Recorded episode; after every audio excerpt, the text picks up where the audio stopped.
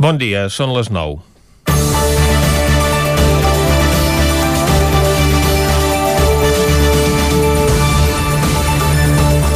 Si dimarts el Tribunal Superior de Justícia de Catalunya ordenava vaccinar cuita corrents als policies nacionals i guàrdies civils que encara no havien estat immunitzats a Catalunya, ahir tornava a ser notícia per una sentència en què avala la decisió d'ordenar retirar la pancarta de suport als presos polítics exiliats del balcó del Palau de la Generalitat, també fora del període electoral.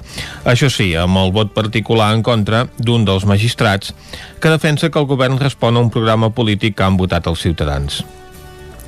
Al setembre de 2019, una associació espanyolista va presentar un recurs al considerar que la decisió de Quim Torra de tornar a penjar la pancarta vulnerava la neutralitat política que s'ha d'exigir a les institucions. Es tracta d'Impulso Ciudadano, una entitat que es defineix com a observatori cívic de la violència política a Catalunya. Una violència que en cas d'existir només interpreten en una direcció. Segons ells, dels 380 actes de violència política que es van dur a terme al 2020, malgrat la pandèmia, el 92% tenen autoria independentista. El president de la Generalitat es va negar a complir amb aquella mesura cautelar i se li va obrir una segona causa judicial contra ell per desobediència. Però com que al setembre el Tribunal Suprem va confirmar la sentència d'inhabilitació contra Torra per unanimitat i es va desencadenar l'actual interregne fins a unes eleccions de les que encara no n'ha sortit govern, sembla que amb Torra fora de les institucions, ara el Tribunal Superior de Justícia de Catalunya no té tanta pressa a tornar-lo a jutjar. Sí, porta tanta cua una pancarta amb una declaració dels drets humans i defensant els condemnats per una sentència que hi ha membres del Tribunal Constitucional que consideren desproporcionada, no passa el mateix amb un cartell electoral que Vox va instal·lar a l'estació més cèntrica del metro de Madrid i que ha resultat polèmic. En aquest cartell de la campanya a les eleccions madrilenyes, el partit ultradretà comparava els costos que suposen l'atenció a un menor no acompanyat amb el de la pensió d'una vídua a més de tenir un viatge racista i xenòfob, ofereix xifres que no es corresponen amb la realitat, com va confirmar la Comunitat de Madrid. En aquest cas, la justícia no ha estat tan primirada malgrat les crítiques de la majoria de partits i la denúncia del PSOE per la possible comissió d'un delicte d'odi, que pot estar penat amb multes i penes de presó. La Junta Electoral de Madrid se'n va rentar les mans i va traslladar el cas a un jutjat ordinari en tenir coneixement també que la Fiscalia ho estava investigant. Però en aquest cas, la petició de la Fiscalia perquè es retiri el cartell i se substitueixi per un altre del mateix partit en el, patell, en el panell que té contractat ha estat rebutjada pel jutge. En el mateix sentit s'expressava l'informe que la Policia Nacional va enviar a la Fiscalia de Delictes d'Odi en el sentit que no apreciava la comissió d'aquests delictes i així el polèmic cartell quedarà d'en fins al dia de les eleccions. Es veu que amb la vara de mesurar no és la mateixa, segons qui pengi la pancarta. Comencem Territori 17, a la sintonia del nou FM, Ona Codinenca, Ràdio Cardedeu, La Veu de Sant Joan i el nou TV. Territori 17, amb Vicenç Vigues i Jordi Sunyer. Són les 9 i 3 minuts i mig d'avui divendres, dia 30 d'abril de 2021. Comença ara mateix un nou Territori 17 que avui, com sempre, durant la primera hora us acostarà tota l'actualitat de les nostres comarques. Després, com que som divendres, uns quants clàssics del darrer dia de la setmana. Avui ens visitarà en Jaume Espuny amb algun clàssic musical d'aquells que han fet història, un disc per llapar-se'n els dits i les orelles. També passarem per la cuina, a la foc lent, repassarem l'agenda esportiva del cap de setmana pels principals equips del nostre territori i acabarem fent un repàs a l'agenda festiva per aquests propers dies, marcada finalment per la fi del confinament municipal. Per tant, podrem gaudir de tots els actes es facin al racó del territori 17 on eh, sigui possible. Dit això, el que toca ara és arrencar i ho farem com sempre posant-nos al dia, posant-nos al dia tot fent un repàs a l'actualitat de casa nostra, l'actualitat de les comarques del Ripollès, Osona, el Moianès i el Vallès Oriental.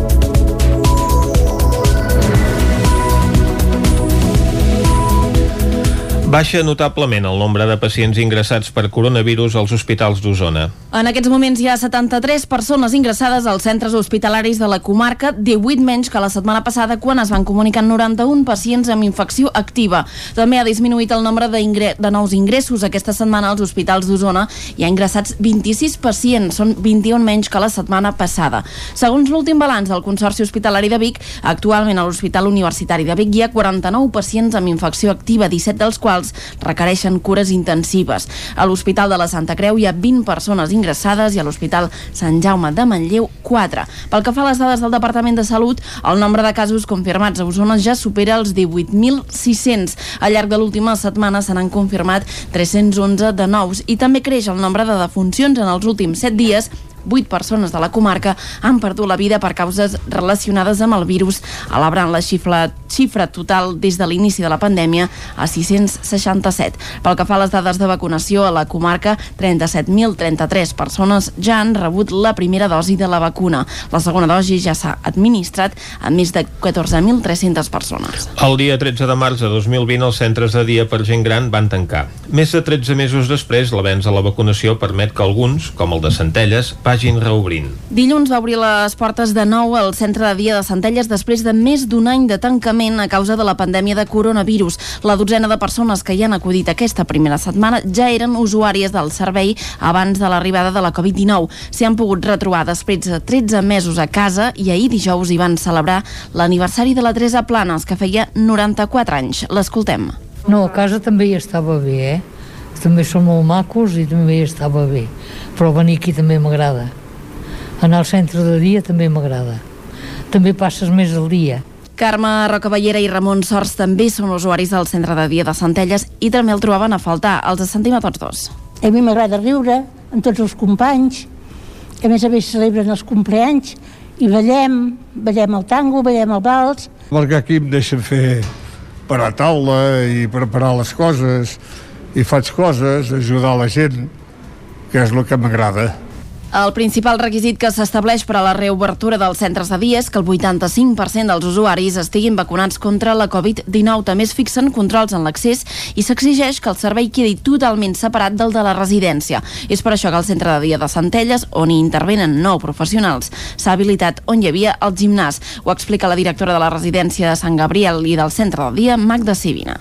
Hem hagut de fer unes, unes quantes adaptacions però al final ens ha quedat mm, un, un centre de dia molt, molt xulo i que crec que donarà cabuda a les persones que, que necessitem que, que hi assisteixin de cara a la setmana vinent espera l'arribada de tres usuaris més, dos dels quals nous. L'equip del centre de dia i la residència Sant Gabriel espera poder anar recuperant a poc a poc la normalitat després de la duresa dels últims mesos. A la residència, on en la primera onada el coronavirus no hi va entrar, s'hi va declarar un brot a finals de novembre del 2020 que va provocar set defuncions. En marxa les obres a l'abocador del Ripollès per evitar pagar més pel tractament dels lixiviats.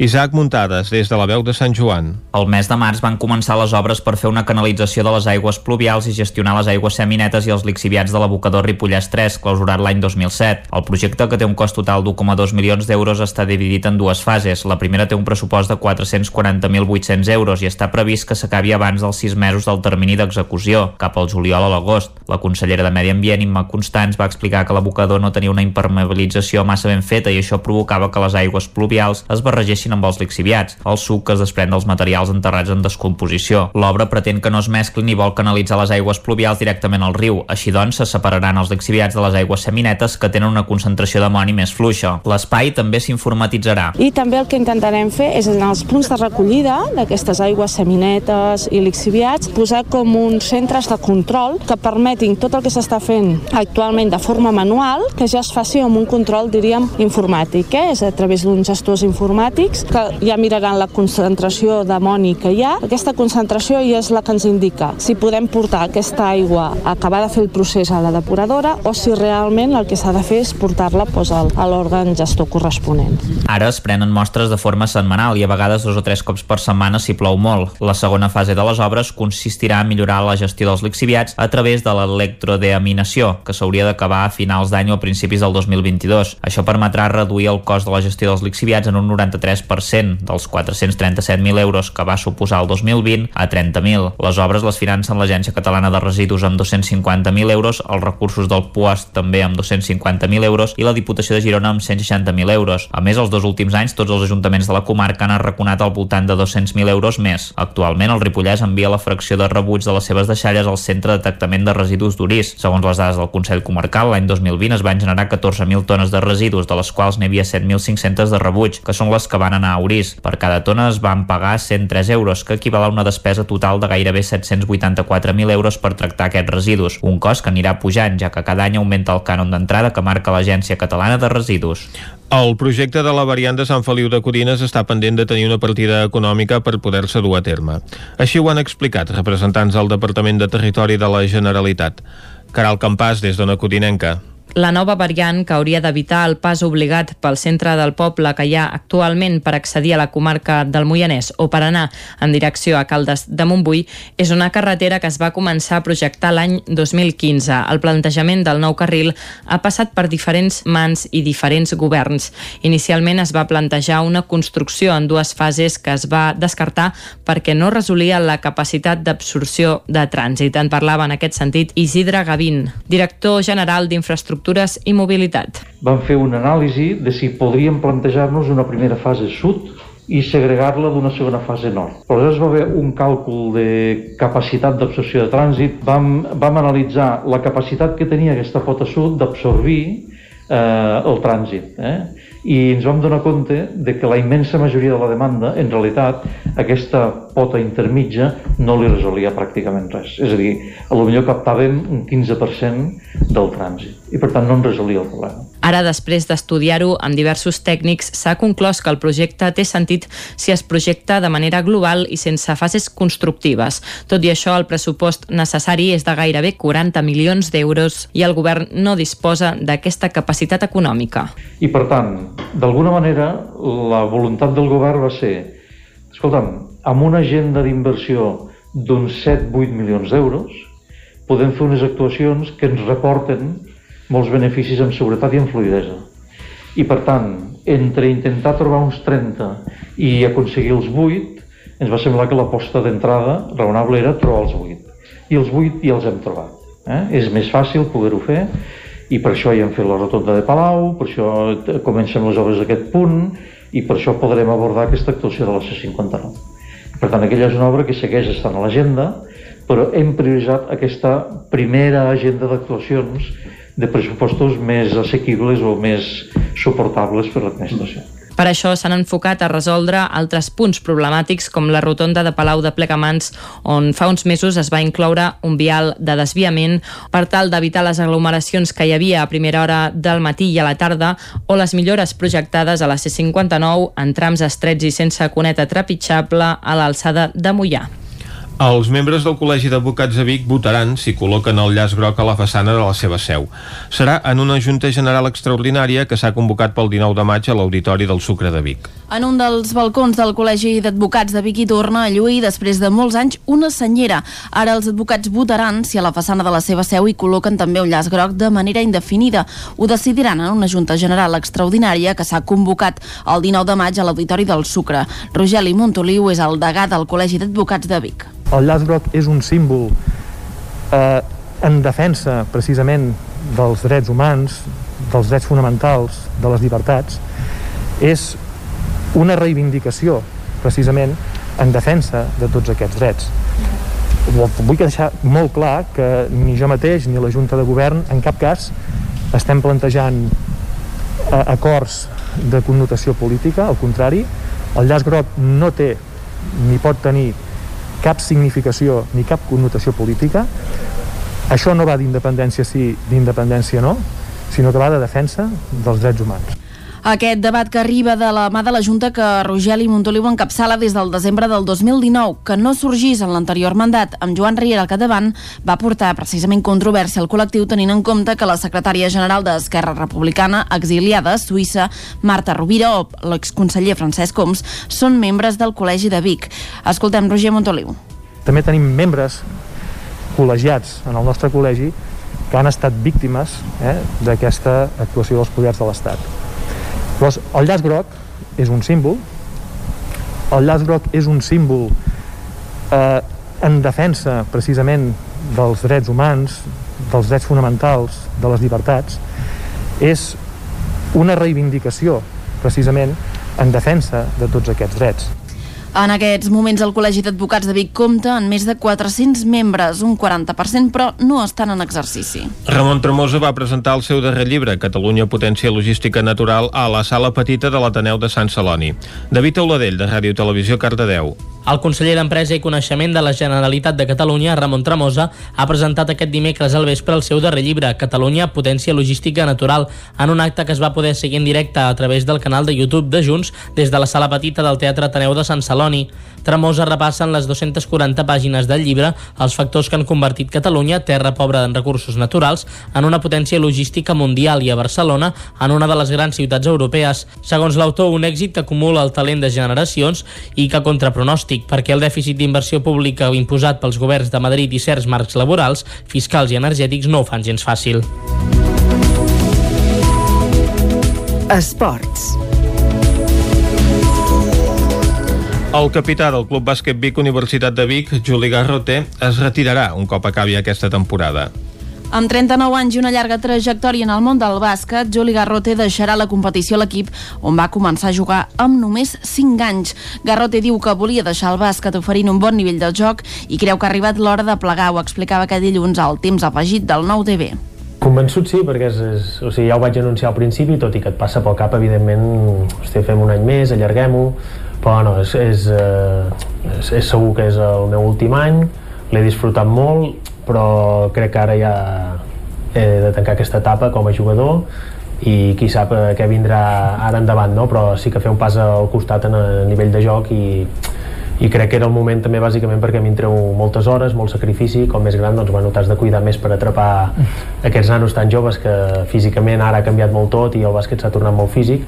El jugador també tenia molt clar que volia penjar les botes a Vic jo inclús que he jugat a molts equips i he estat per les Espanyes i voltant jo tenia clar, bueno, no havia passat ni pel cap retirar-me un altre puesto no? eh, jo sempre sabia que tornaria a Vic a viure, a jugar, sóc molt biguetà sóc molt de bàsquet i sóc molt del club bàsquet Vic, no? I tenia clar que em retiraria aquí eh, bueno, no sé que no m'haguessin volgut, no? però això és una cosa que tenia clar i evidentment em fa molta il·lusió és on vaig començar des de que tenia 5 anys des de molt petit, on ja havia jugat el pare el meu tiet, i han jugat els cosins eh, la, la gran part de la meva amistat l'he fet aquí, la meva colla som tots del món del bàsquet pràcticament m'ha format eh, molt com a persona també i bueno, doncs jo crec que és on m'havia de retirar segur Garrotin també feia un bon balanç d'aquesta temporada i destacava que els biguetans, tot i tenir un equip molt jove, han competit pràcticament fins al final per classificar-se pel play-off per l'ascens. I fins aquí el butlletí informatiu que us hem ofert amb Vicenç Vigues, Maria Costa, David Auladell, Caral Campàs i Isaac Muntades. Ara el que farem és com això, el temps, un cop d'ull al temps, com fem sempre aquí a Territori 17 i avui molt interessant perquè en Pep Acosta també ens explicarà què ens espera pel cap de setmana. Anem-hi! Casa Terradellos us ofereix el temps. Doncs saludem en Pep Acosta de seguida. Bon dia, Pep. Hola, molt bon dia. I molt bona hora. Ja estem aquí. Correcte. A l'espai del temps. Vinga, doncs Doncs avui hem de dir que el temps serà notícia.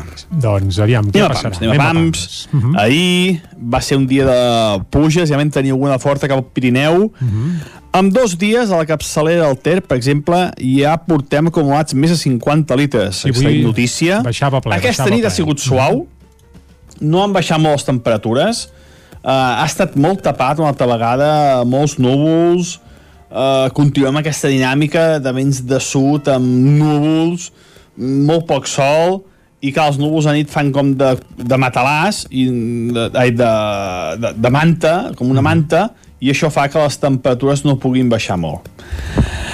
Uh, això, eh? Mm, Temperatures uh, per sobre dels 10 graus hi ha alguna població, només els jocs més freds han baixat d'aquests 10 graus i, lògicament, també alta muntanya. No ha plogut gaire aquesta nit, eh? Les tempestes més fortes van ser ahir la tarda cap a la zona del Pirineu. I avui, durant el dia d'avui, serà un dia molt semblant al d'ahir. Continuem amb aquesta dinàmica de cel molt tapat, d'algun ruixat. Poca cosa, poques precipitacions, fins a primeres hores de la tarda cap a la nit ja. A la nit començarà a entrar una precipitació per l'oest de Catalunya i anirà escombrant mica en mica. I arribarà a les nostres comarques, jo crec que cap a la nit, primeres hores de dissabte. Mm -hmm. Però avui no, eh? Avui això, eh? Això sí que estarà molt tapat, molt poques tones de sol i unes temperatures molt semblants a les d'ahir. De cara a aquesta nit i demà serà quan la inestabilitat s'accentuarà. Aquesta pertorbació que està situada cap al centre i sud de la península ibèrica ens afectarà de ple, de ple ens escombrarà, ens passarà per sobre i jo crec que durarà unes 12-20 hores. Serà el seu màxim esplendor, diguem, eh? quan pot ploure més. Demà es poden acumular 30, 40, 50 litres a moltes zones. déu nhi I uh -huh. uh, localment en algunes zones superaran els 60-70. Eh? Atenció, demà, com deia, és un dia que la, la mobilitat està permesa, Uh, molta gent pot sortir, precaució a la carretera, precaució a la muntanya, si neu, precaució a prop de rius i rieres, mm, molta precaució perquè la pluja serà molt intensa en algunes zones. Les temperatures baixaran, uh, no superarem els 20 graus a cap població i també baixaran les temperatures nocturnes. I la cota neu, atenció, estarà a 1.300-1.400 metres. Carai. I aquest és un element també molt a tenir en compte perquè la nevada, especialment per sobre de 1.600-1.700 metres, serà considerable. 20-30 centímetres de neu. Mm, per tant, millor si no es va a muntanya, alta muntanya, que aquesta setmana la situació serà una mica complicada. Baixaran les temperatures demà en picat, com deia, i serà un dia de pluja continuada, no com aquests últims dies, eh, que han anat ha fet duixat aquí i allà, no, no. Demà és pluja continuada moltes hores del dia. Diumenge, aquesta perturbació se'n retira, mm -hmm. se'n va cap a Itàlia, menys inestabilitat, encara alguna precipitació, però molt menys, moltes menys pluges, i a més la pluja de diumenge serà ja eh, molt més local, menys continuada, eh, no tindrà res a veure amb la de dissabte. Dissabte serà el dia més inestable de molt. I diumenge les temperatures molt semblants a les de dissabte. No es recuperen perquè no farà encara molt, molt de sol, i no podrà escalfar l'ambient.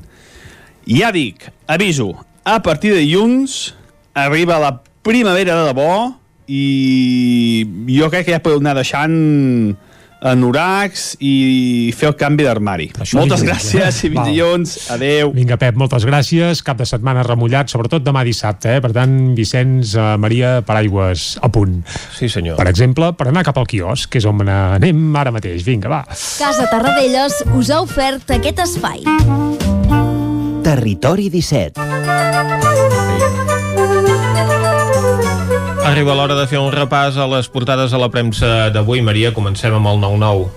Doncs sí, el 9-9 l'edició Osona, amb titular els positius per Covid a Osona baixen per primer cop a nivell d'abans de la segona onada. Torelló, que ha patit un petit repunt les últimes setmanes, estrenarà els cribratges massius amb automostra. També veiem una fotografia central fent referència als camps de colza tan coneguts aquí a la comarca, en què la seva demanda i la seva, evidentment, conreu es multipliquen. Pel que fa a la portada del 9-9 en edició del Vallès, les persones amb renda mínima pugen un 32% durant el 2020.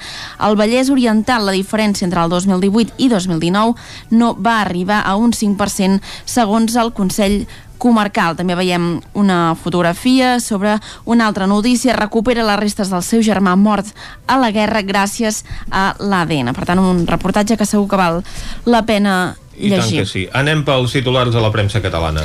Al punt avui veiem un titular que destaca a tota la portada més repressió. Explica que la Fiscalia presenta recurs contra l'absolució dels síndics de l'1 d'octubre, es querella contra l'alcaldessa de Cubelles pel pagament de quotes a l'AMI. El Tribunal Superior de Justícia de Catalunya conclou que Torra va ser partidista amb la pancarta dels presos i afegeix 250 diputats del món reclamen l'amnistia. Es fa ressò, evidentment, també ahir de la derrota del Barça davant el Granada per 1 a 2 i ho titula Desfeta sense marge. Veiem una gran fotografia al costat de Messi amb el cap cot. Pel que fa a la portada de l'Ara, es fixa amb la vacunació que diu que dona oxigen a l'economia, la millora sanitària fa possible, diu, una reducció de l'atur de 38.000 persones en el primer trimestre i també una gran fotografia de Biden eh, sobre el pla d'acció social que va presentar justament ahir un gran titular, és hora que els rics paguin, diu, el que és just. Per exemple, en la pantalla portada del periòdico es fixa en la mesura que es va filtrar ahir del govern català. Catalunya planeja obrir de nit l'hostaleria a partir del 10 de maig. També una gran fotografia de Biden que diu que aviva la despesa social. La Vanguardia, una portada pràcticament igual a la del periòdico. Catalunya estudia obrir per sopar i mantenir doncs, el toc de queda i també fa referència a aquest anunci de les taxes als rics i al pla d'inversions massives que, com dèiem, plantejava ahir Biden. Anem a veure de què parlen els diaris de Madrid el país es fixa en les autonomies que diu que perllongaran les restriccions després de l'estat d'alarma. Diu que Catalunya prepara una reforma legal perquè es mantingui així el toc de queda. També explica que un milió de vacunats amb AstraZeneca esperen una solució, es fa referència als menors de 60 anys que van rebre la primera dosi i que esperen què hauran de fer amb aquesta segona dosi. El Mundo eh, explica una entrevista amb la presidenta de Madrid, Isabel Díaz Ayuso, diu que governar amb el suport de Vox tampoc seria la fi del món.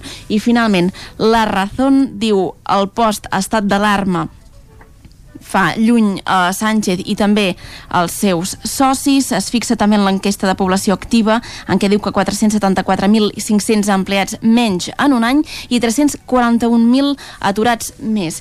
Finalment, l'ABC parla d'aquesta possible sortida de la política espanyola de Pablo Iglesias a amb un lloc al holding audiovisual si fracassa a les eleccions del 4 de maig. Amb una fotografia de Pablo Iglesias en un acte electoral eh, ahir, segons doncs, l'ABC, Satanàs eh, s'associa amb Lucifer, una mica és el seu plantejament en aquesta portada en una jornada on a la majoria de diaris, eh, aquí veiem que més destaca a la seva fotografia doncs és eh, Joe Biden en la seva compareixença ahir al Congrés després dels seus 100 primers dies de mandat. He fet un repàs a les portades dels diaris d'avui, ara és el moment de posar punt i final a aquest bloc informatiu. Exacte, doncs posem punt i final al bloc, anirem a publicitat i tornem a dos quarts en punt amb més actualitat aquí a Territori 17. Fins ara. El nou FM, la ràdio de casa, al 92.8. Retus 2 Experts en comunicació visual Rètols, banderoles, vinils, impressió, plaques gravades, senyalització, display... Rètols Dos Art. Ja són 25 anys al vostre servei. Ens trobareu a la carretera de Vic a Olot, número 7, al polígon Malloles de Vic. dosartvic.com Telèfon 93 889 2588. Per al Dia de la Mare, vine a la Cakery a buscar un dolç ram. Galetes decorades i cupcakes especials. Pastissos personalitzats, galetes, cookies, brownies i molt més. Ens trobaràs a Vic, al carrer de Gurb 34 Baixos, al telèfon 93 886 70 51 i també a Instagram i Facebook. Xalant Moda i Complements. Nova temporada primavera-estiu. Moda home-dona, nen-nena, sabates, bosses de mà, maletes, complements i molt més. Vine a veure, ens trobaràs una secció d'ofertes amb roba de la temporada passada a 10 euros i 19 euros. Vine a Can Xalant, ens trobaràs al carrer Sant Tomàs número 6 de Call d'Atenes. També a Instagram i Facebook. Pintures Xevi Soler. Tot en pintures. Façanes, obra nova, rehabilitacions interiors de vivenda, estucs, microciments, pintura industrial, motllures, terres vinílics... Pintures Xevi Soler. Ens agrada assessorar-vos i fer de casa vostra el millor lloc del món.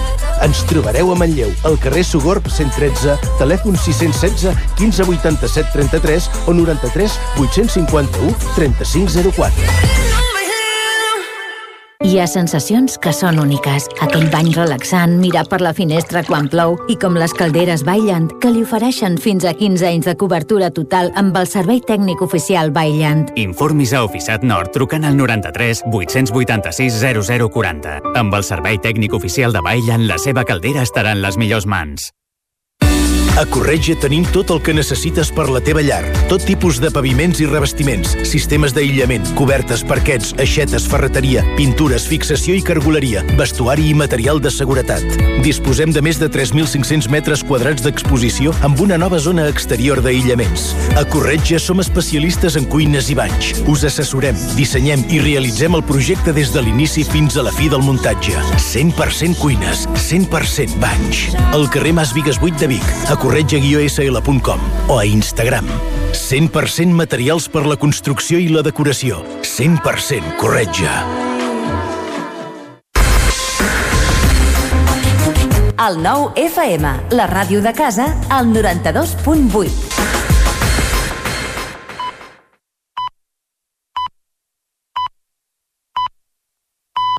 Territori 17, amb Vicenç Vigues i Jordi Sunyer. Són dos quarts de deu en punt del matí d'avui, dia 30 d'abril de 2021. Uh, seguim en directe aquí a Territori 17 i de seguida us acostarem de nou tota l'actualitat de les nostres comarques. Després, una mica abans de les 10, estrenarem uh, el nou single de Oques Grasses, Oques Grasses que trauran el seu nou disc d'aquí res, a 10 dies i aquest diumenge ja el presenten amb un concert amb entrades esgotades a les escales de la Catedral de Girona. Doncs avui aquí a Territori 17 en exclusiva exclusiva escoltarem una de les peces d'aquest nou disc d'Oques Grasses. Això serà d'aquí mitja horeta, després d'acostar-vos de nou l'actualitat de casa nostra. I més endavant, com sempre, també els divendres ens visitaran Jaume Espuny, acostant-nos algun disc d'aquells que han fet història, passarem per la cuina a la foc lent i repassarem agendes esportives i festives pel cap de setmana. Tot això i moltes coses més des d'ara i fins a les 12 del migdia. I ara seguim fent un repàs a l'actualitat de les comarques del Ripollès, Osona, el Moianès i el Vallès Oriental. Anem-hi.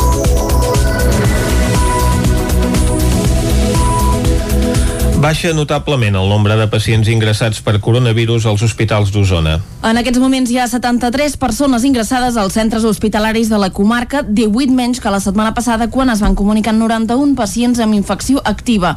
També ha disminuït el nombre de nous ingressos. Aquesta setmana als hospitals d'Osona hi ha ingressats 26 pacients, són 21 menys que la setmana passada. Segons l'últim balanç del Consorci Hospitalari de Vic, actualment a l'Hospital Universitari de Vic hi ha 49 pacients amb infecció activa, 17 dels quals quals requereixen cures intensives. A l'Hospital de la Santa Creu hi ha 20 persones ingressades i a l'Hospital Sant Jaume de Manlleu 4. Pel que fa a les dades del Departament de Salut, el nombre de casos confirmats a Osona ja supera els 18.600. Al llarg de l'última setmana se n'han confirmat 311 de nous i també creix el nombre de defuncions en els últims 7 dies 8 persones de la comarca han perdut la vida per causes relacionades amb el virus, elaborant la xifra, xifra total des de l'inici de la pandèmia a 667. Pel que fa a les dades de vacunació a la comarca, 37.033 persones ja han rebut la primera dosi de la vacuna. La segona dosi ja s'ha administrat a més de 14.300 persones. El dia 13 de març de 2020 els centres de dia per gent gran van tancar. Més de 13 mesos després, l'avenç a la vacunació permet que alguns, com el de Centelles, vagin reobrint. Dilluns va obrir les portes de nou al centre de dia de Centelles després de més d'un any de tancament a causa de la pandèmia de coronavirus. La dotzena de persones que hi han acudit aquesta primera setmana ja eren usuàries del servei abans de l'arribada de la Covid-19. S'hi han pogut retrobar després de 13 mesos a casa i ahir dijous hi van celebrar l'aniversari de la Teresa Planes, que feia 94 anys. L'escoltem. No, a casa també hi estava bé, eh? També són molt macos i també estava bé però venir aquí també m'agrada anar al centre de dia també m'agrada també passes més el dia Carme Rocaballera i Ramon Sors també són usuaris del centre de dia de Centelles i també el trobaven a faltar. Els sentim a tots dos. A mi m'agrada riure amb tots els companys, que a més a més celebren els compleanys i ballem, ballem el tango, ballem el vals. Perquè aquí em deixen fer per a taula i preparar les coses i faig coses, ajudar la gent, que és el que m'agrada.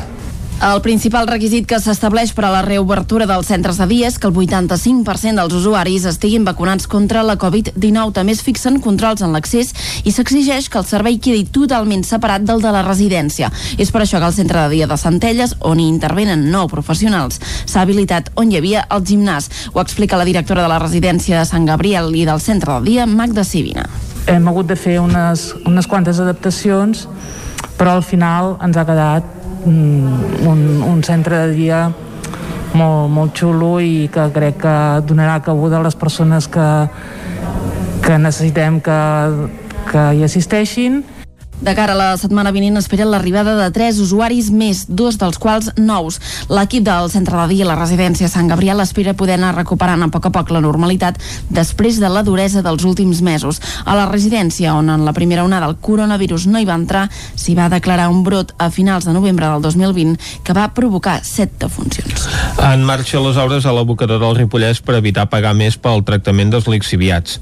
Isaac Muntades, des de la veu de Sant Joan. El mes de març van començar les obres per fer una canalització de les aigües pluvials i gestionar les aigües seminetes i els lixiviats de l'abocador Ripollès 3, clausurat l'any 2007. El projecte, que té un cost total d'1,2 milions d'euros, està dividit en dues fases. La primera té un pressupost de 440.800 euros i està previst que s'acabi abans dels sis mesos del termini d'execució, cap al juliol a l'agost. La consellera de Medi Ambient, Imma Constants, va explicar que l'abocador no tenia una impermeabilització massa ben feta i això provocava que les aigües pluvials es barregessin amb els lixiviats, el suc que es desprèn dels materials enterrats en descomposició. L'obra pretén que no es mesclin i vol canalitzar les aigües pluvials directament al riu. Així doncs, se separaran els lixiviats de les aigües seminetes que tenen una concentració d'amoni més fluixa. L'espai també s'informatitzarà. I també el que intentarem fer és en els punts de recollida d'aquestes aigües seminetes i lixiviats posar com uns centres de control que permetin tot el que s'està fent actualment de forma manual que ja es faci amb un control, diríem, informàtic. Eh? És a través d'uns gestors informàtics que ja miraran la concentració d'amoni que hi ha. Aquesta concentració ja és la que ens indica si podem portar aquesta aigua a acabar de fer el procés a la depuradora o si realment el que s'ha de fer és portar-la doncs, a l'òrgan gestor corresponent. Ara es prenen mostres de forma setmanal i a vegades dos o tres cops per setmana si plou molt. La segona fase de les obres consistirà en millorar la gestió dels lixiviats a través de l'electrodeaminació, que s'hauria d'acabar a finals d'any o a principis del 2022. Això permetrà reduir el cost de la gestió dels lixiviats en un 93%, dels 437.000 euros que va suposar el 2020 a 30.000. Les obres les financen l'Agència Catalana de Residus amb 250.000 euros, els recursos del PUAS també amb 250.000 euros i la Diputació de Girona amb 160.000 euros. A més, els dos últims anys tots els ajuntaments de la comarca han arraconat al voltant de 200.000 euros més. Actualment, el Ripollès envia la fracció de rebuig de les seves deixalles al Centre de Tractament de Residus d'Urís. Segons les dades del Consell Comarcal, l'any 2020 es van generar 14.000 tones de residus, de les quals n'hi havia 7.500 de rebuig, que són les que van anar a Urís. Per cada tona es van pagar 103 euros, que equival a una despesa total de gairebé 784.000 euros per tractar aquests residus, un cost que anirà pujant, ja que cada any augmenta el cànon d'entrada que marca l'Agència Catalana de Residus. El projecte de la variant de Sant Feliu de Codines està pendent de tenir una partida econòmica per poder-se dur a terme. Així ho han explicat representants del Departament de Territori de la Generalitat. Caral Campàs, des d'Ona Codinenca. La nova variant que hauria d'evitar el pas obligat pel centre del poble que hi ha actualment per accedir a la comarca del Moianès o per anar en direcció a Caldes de Montbui és una carretera que es va començar a projectar l'any 2015. El plantejament del nou carril ha passat per diferents mans i diferents governs. Inicialment es va plantejar una construcció en dues fases que es va descartar perquè no resolia la capacitat d'absorció de trànsit. En parlava en aquest sentit Isidre Gavín, director general d'Infraestructures infraestructures i mobilitat. Vam fer una anàlisi de si podríem plantejar-nos una primera fase sud i segregar-la d'una segona fase nord. Aleshores va haver un càlcul de capacitat d'absorció de trànsit. Vam, vam analitzar la capacitat que tenia aquesta pota sud d'absorbir eh, el trànsit. Eh? I ens vam donar compte de que la immensa majoria de la demanda, en realitat, aquesta pota intermitja no li resolia pràcticament res. És a dir, a lo millor captàvem un 15% del trànsit i per tant no en resolia el problema. Ara, després d'estudiar-ho amb diversos tècnics, s'ha conclòs que el projecte té sentit si es projecta de manera global i sense fases constructives. Tot i això, el pressupost necessari és de gairebé 40 milions d'euros i el govern no disposa d'aquesta capacitat econòmica. I per tant, d'alguna manera, la voluntat del govern va ser escolta'm, amb una agenda d'inversió d'uns 7-8 milions d'euros podem fer unes actuacions que ens reporten molts beneficis en seguretat i en fluidesa.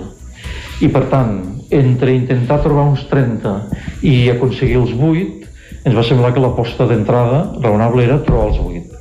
I els 8 ja els hem trobat. Eh? És més fàcil poder-ho fer i per això ja hem fet la rotonda de Palau, per això comencem les obres d'aquest punt i per això podrem abordar aquesta actuació de la C-59.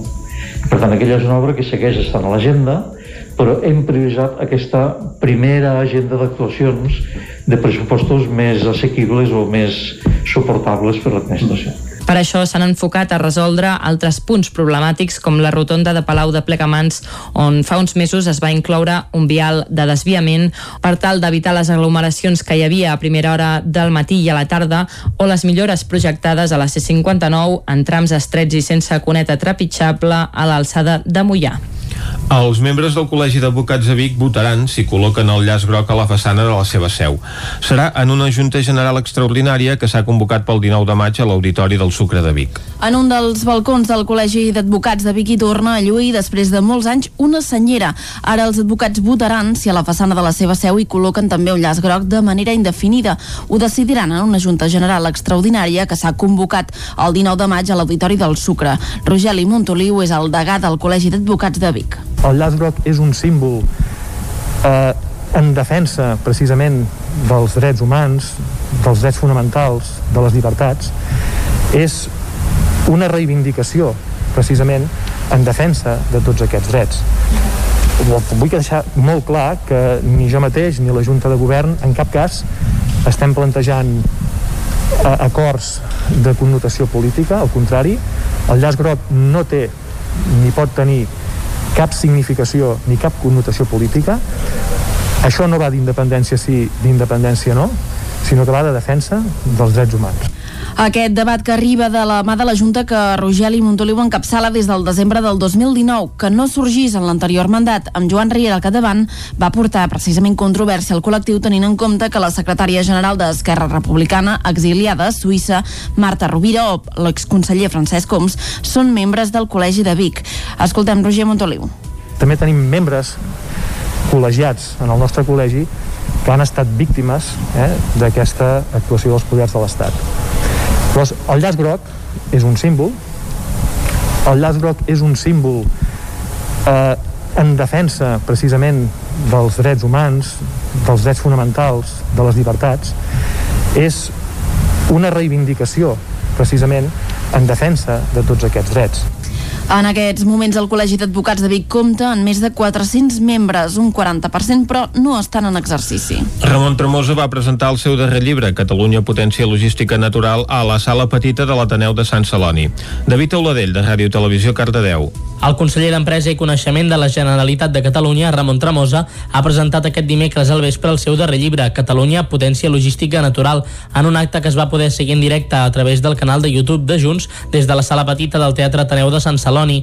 Tremosa repassa en les 240 pàgines del llibre els factors que han convertit Catalunya, terra pobra en recursos naturals, en una potència logística mundial i a Barcelona en una de les grans ciutats europees. Segons l'autor, un èxit que acumula el talent de generacions i que contra pronòstic crític perquè el dèficit d'inversió pública imposat pels governs de Madrid i certs marcs laborals, fiscals i energètics no ho fan gens fàcil.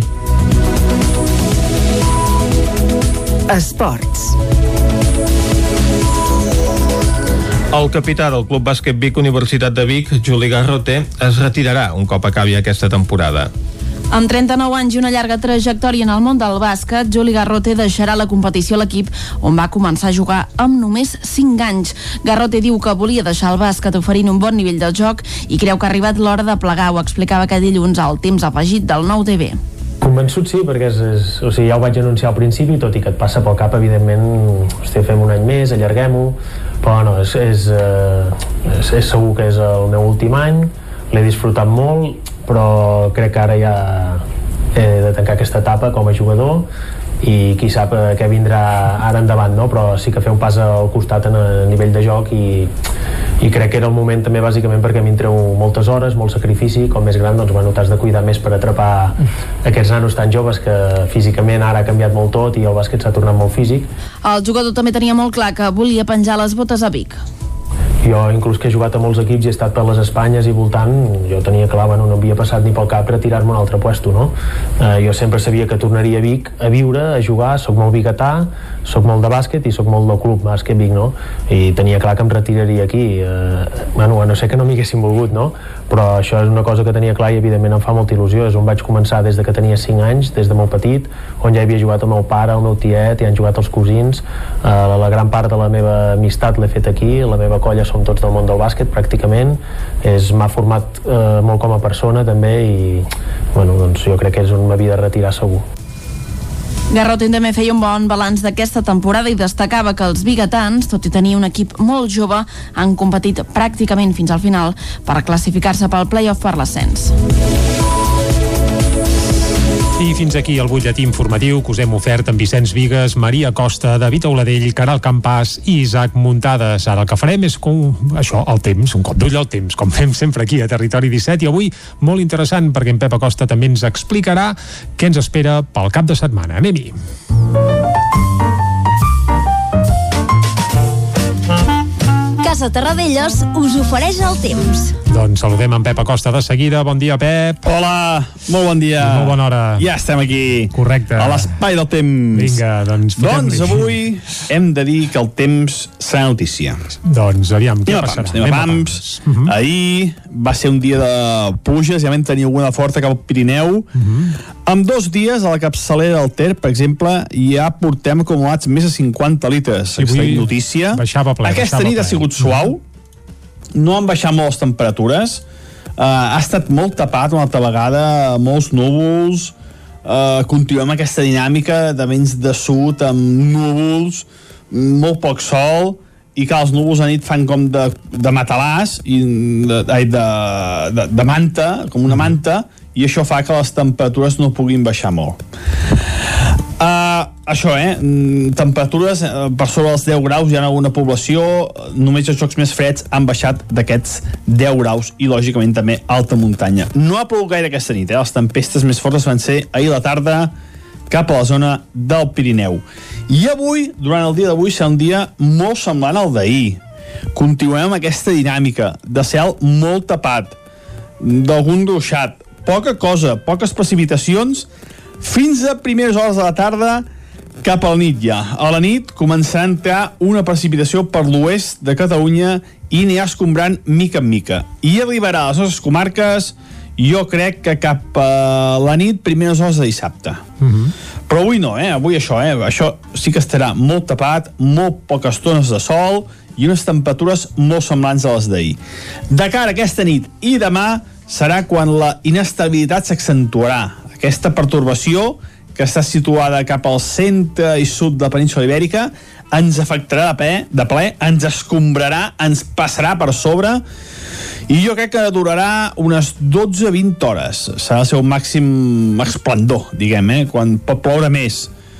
Demà es poden acumular 30, 40, 50 litres a moltes zones. déu nhi I uh -huh. uh, localment en algunes zones superaran els 60-70. Eh? Atenció, demà, com deia, és un dia que la, mobilitat està permesa, Uh, molta gent pot sortir, precaució a la carretera, precaució a la muntanya, si neu, precaució a prop de rius i rieres, mm, molta precaució perquè la pluja serà molt intensa en algunes zones. Les temperatures baixaran. Uh, no superarem els 20 graus a cap població i també baixaran les temperatures nocturnes. I la cota neu, atenció, estarà a 1.300-1.400 metres. Carai. I aquest és un element també molt a tenir en compte perquè la nevada, especialment per sobre de 1.600-1.700 metres, serà considerable. 20-30 centímetres de neu. Mm, per tant, millor si no es va a muntanya, alta muntanya, que aquesta setmana la situació serà una mica complicada. Baixaran les temperatures demà en picat, com deia, i serà un dia de pluja continuada, no com aquests últims dies, eh, que han anat ha fet ruixat aquí i allà, no, no. Demà és pluja continuada moltes hores del dia.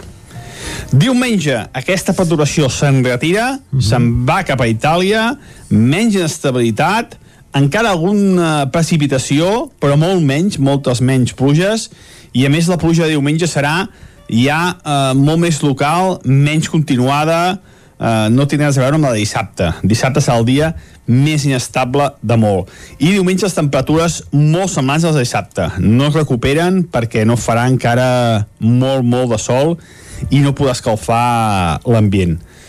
Ja dic, aviso, a partir de dilluns arriba la primavera de debò i jo crec que ja podeu anar deixant anoracs i fer el canvi d'armari. Moltes gràcies eh? i dilluns. Adeu. Vinga, Pep, moltes gràcies. Cap de setmana remullat, sobretot demà dissabte, eh? Per tant, Vicenç, eh, Maria, paraigües a punt. Sí, senyor. Per exemple, per anar cap al quiosc, que és on anem ara mateix. Vinga, va. Casa Tarradellas us ha ofert aquest espai. Territori 17. Arriba l'hora de fer un repàs a les portades a la premsa d'avui. Maria, comencem amb el 9-9. Doncs sí, el 9-9 l'edició Osona, amb titular els positius per Covid a Osona baixen per primer cop a nivell d'abans de la segona onada. Torelló, que ha patit un petit repunt les últimes setmanes, estrenarà els cribratges massius amb automostra. També veiem una fotografia central fent referència als camps de colza tan coneguts aquí a la comarca, en què la seva demanda i la seva, evidentment, conreu es multipliquen. Pel que fa a la portada del 9-9 en edició del Vallès, les persones amb renda mínima pugen un 32% durant el 2020. Al Vallès Oriental, la diferència entre el 2018 i 2019 no va arribar a un 5% segons el Consell comarcal. També veiem una fotografia sobre una altra notícia. Recupera les restes del seu germà mort a la guerra gràcies a l'ADN. Per tant, un reportatge que segur que val la pena i tant que sí. Anem pels titulars de la premsa catalana. Al punt avui veiem un titular que destaca a tota la portada més repressió. Explica que la Fiscalia presenta recurs contra l'absolució dels síndics de l'1 d'octubre, escarilla contra l'alcaldessa de Cubelles pel pagament de quotes a l'AMI. El Tribunal Superior de Justícia de Catalunya conclou que Torra va ser partidista amb la pancarta dels presos i afegeix 250 diputats del món reclamen l'amnistia. Es fa ressò, evidentment, també ahir de la derrota del Barça davant el Granada per 1 2 i ho titula Desfeta sense marxa. Veiem una gran fotografia al costat de Messi amb el capcot. Pel que fa a la portada de l'Ara, es fixa amb la vacunació que diu que dona oxigen a l'economia, la millora sanitària fa possible, diu, una reducció de l'atur de 38.000 persones en el primer trimestre i també una gran fotografia de Biden eh, sobre el pla d'acció social que va presentar justament ahir. Un gran titular, és hora que els rics paguin, diu, el que és just. Per exemple, en la panta portada del periòdico es fixa en la mesura que es va filtrar ahir del govern català. Catalunya planeja obrir de nit l'hostaleria a partir del 10 de maig. També una gran fotografia de Biden que diu que aviva la despesa social. La Vanguardia, una portada pràcticament igual a la del periòdico. Catalunya estudia obrir per sopar i mantenir doncs el toc de queda i també fa referència a aquest anunci de les taxes als rics i al pla d'inversions massives que com dèiem plantejava ahir Biden. Anem a veure de què parlen els diaris de Madrid. El país es fixa en les autonomies que diu que perllongaran les restriccions després de l'estat d'alarma. Diu que Catalunya prepara una reforma legal perquè es mantingui així el toc de queda. També explica que un milió de vacunats amb AstraZeneca esperen una solució, es fa referència als menors de 60 anys que van rebre la primera dosi i que esperen què hauran de fer amb aquesta segona dosi. El Mundo eh, explica una entrevista amb la presidenta de Madrid, Isabel Díaz Ayuso, diu que governar amb el suport de Vox tampoc seria la fi del món. I finalment, la Razón diu el post estat d'alarma fa lluny a Sánchez i també els seus socis. Es fixa també en l'enquesta de població activa en què diu que 474.500 empleats menys en un any i 341.000 aturats més. Finalment, l'ABC parla d'aquesta possible sortida de la política espanyola de Pablo Iglesias a en un lloc el holding audiovisual si fracassa a les eleccions del 4 de maig.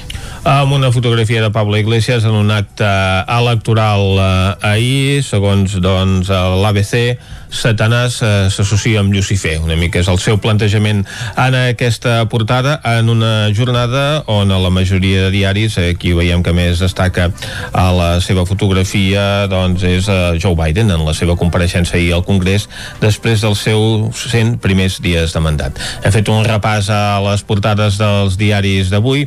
Ara és el moment de posar punt i final a aquest bloc informatiu. Molt bé, doncs Vicenç, punt i final al bloc informatiu uh, uh -huh. no sense lamentar també el resultat del Barça, eh, que apareixia en algun racó de les portades, però sí. bé, va perdre una gran oportunitat per en posar-se al capdavant i no, i no tant Lliga, com sí. eh, alguns eh, diaris doncs els diaris catalans han destacat Mm-hmm. també aquesta derrota del Barça, mentre que paradoxalment els diaris de la triple dreta madrilenya no parlaven ahir d'aquest discurs de Joe Biden. Ah. Només el país entre els diaris de Madrid eh, s'hi refereix a la seva portada i hi dedica la fotografia més destacada. Cadascú mira cap on vol, però també és allò de digue'm on mires i ja et diré com ets. Però vaja, tant és. Ara el que volem és alegrar la jornada a tota la gent que ens escolta des de casa i ens veu des de televisió, des d'on sigui.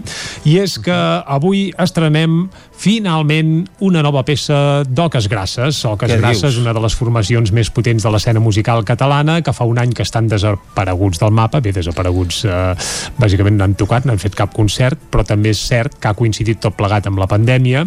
Estaven de gira de fans del sol, no la van poder acabar de, de fer durant l'any passat perquè es van, bé, malauradament suspendre tots els concerts, doncs què van fer Oques Grasses? Doncs de, de, durant aquests últims mesos han estat gravant un nou disc que presentaran en directe aquest diumenge a la catedral de Girona, però no ho faran a dins la catedral. Ah. Si fos a la Coromina de Torelló, segur tocarien a dins, però no, ho fan a la catedral de Girona, en el marc del Festival Estrenes, i tocaran a les escales de la catedral. No sé si has estat mai, Vicenç, Sí. allà a la catedral de Girona. Hi ha doncs, moltes escales. Correcte, doncs el públic eh, seu a les escales, a més com que estem en temps de pandèmia no es podrà gaudir del concert de peu dret saltant i ballant, sinó allò amb grupets, pim-pam-pum, tot eh, distribuït a les escales.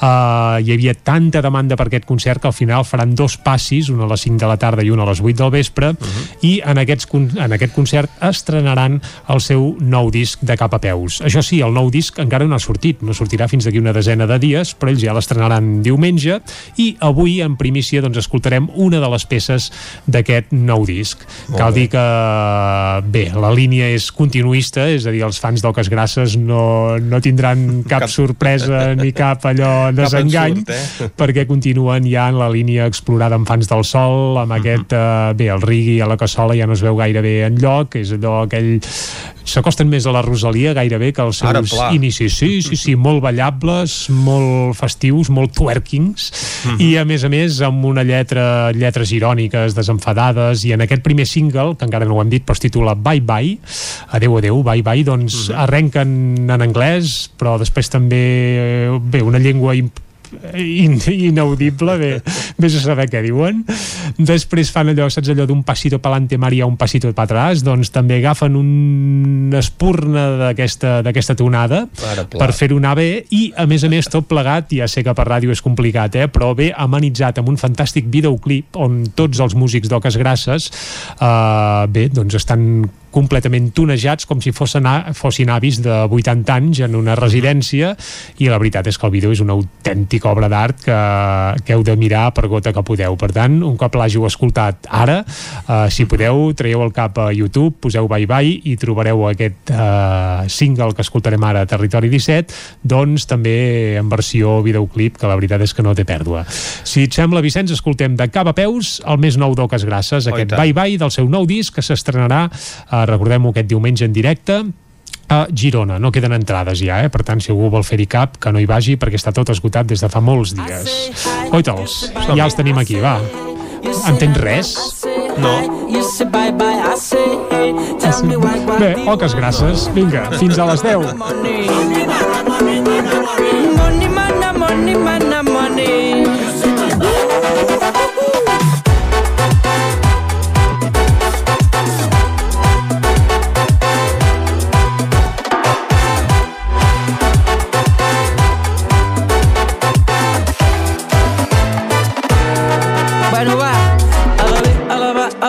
A la vora via, un pasito pa'lante com la Maria, esperant el teu tren jo m'hi floriria. És tan fàcil tirar-me la mala vida, és més fàcil tirar-me la bona vida, és més fàcil tirar-me la bona vida, és més fàcil tirar-me la bona vida. Un pasito pa'lante com la Maria. Eh, puja!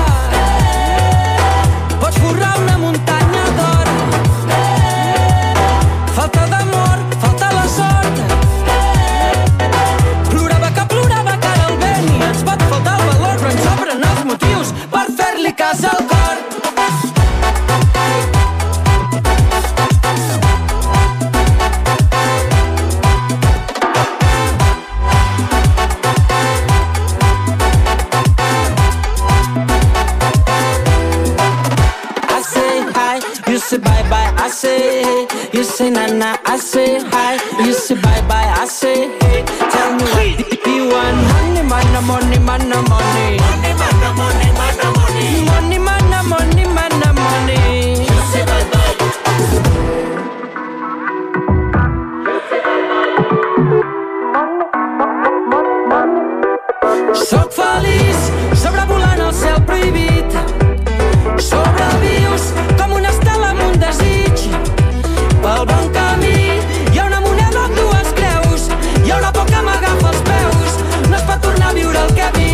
You say bye bye, I say hi. You say bye bye, I say. You say na na, I say hi. You say bye bye, I say hey. Tell me why why I say hi. You say bye bye, I say. You say na na, I say hi.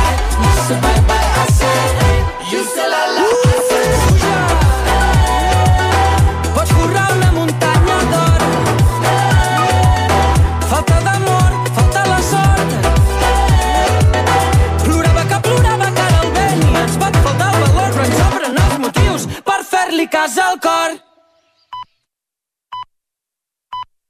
Des d'estrenar el més nou d'Oques Grasses, torna la informació de les nostres comarques, la informació de les comarques del Ripollès, Osona, el Moianès i el Vallès Oriental.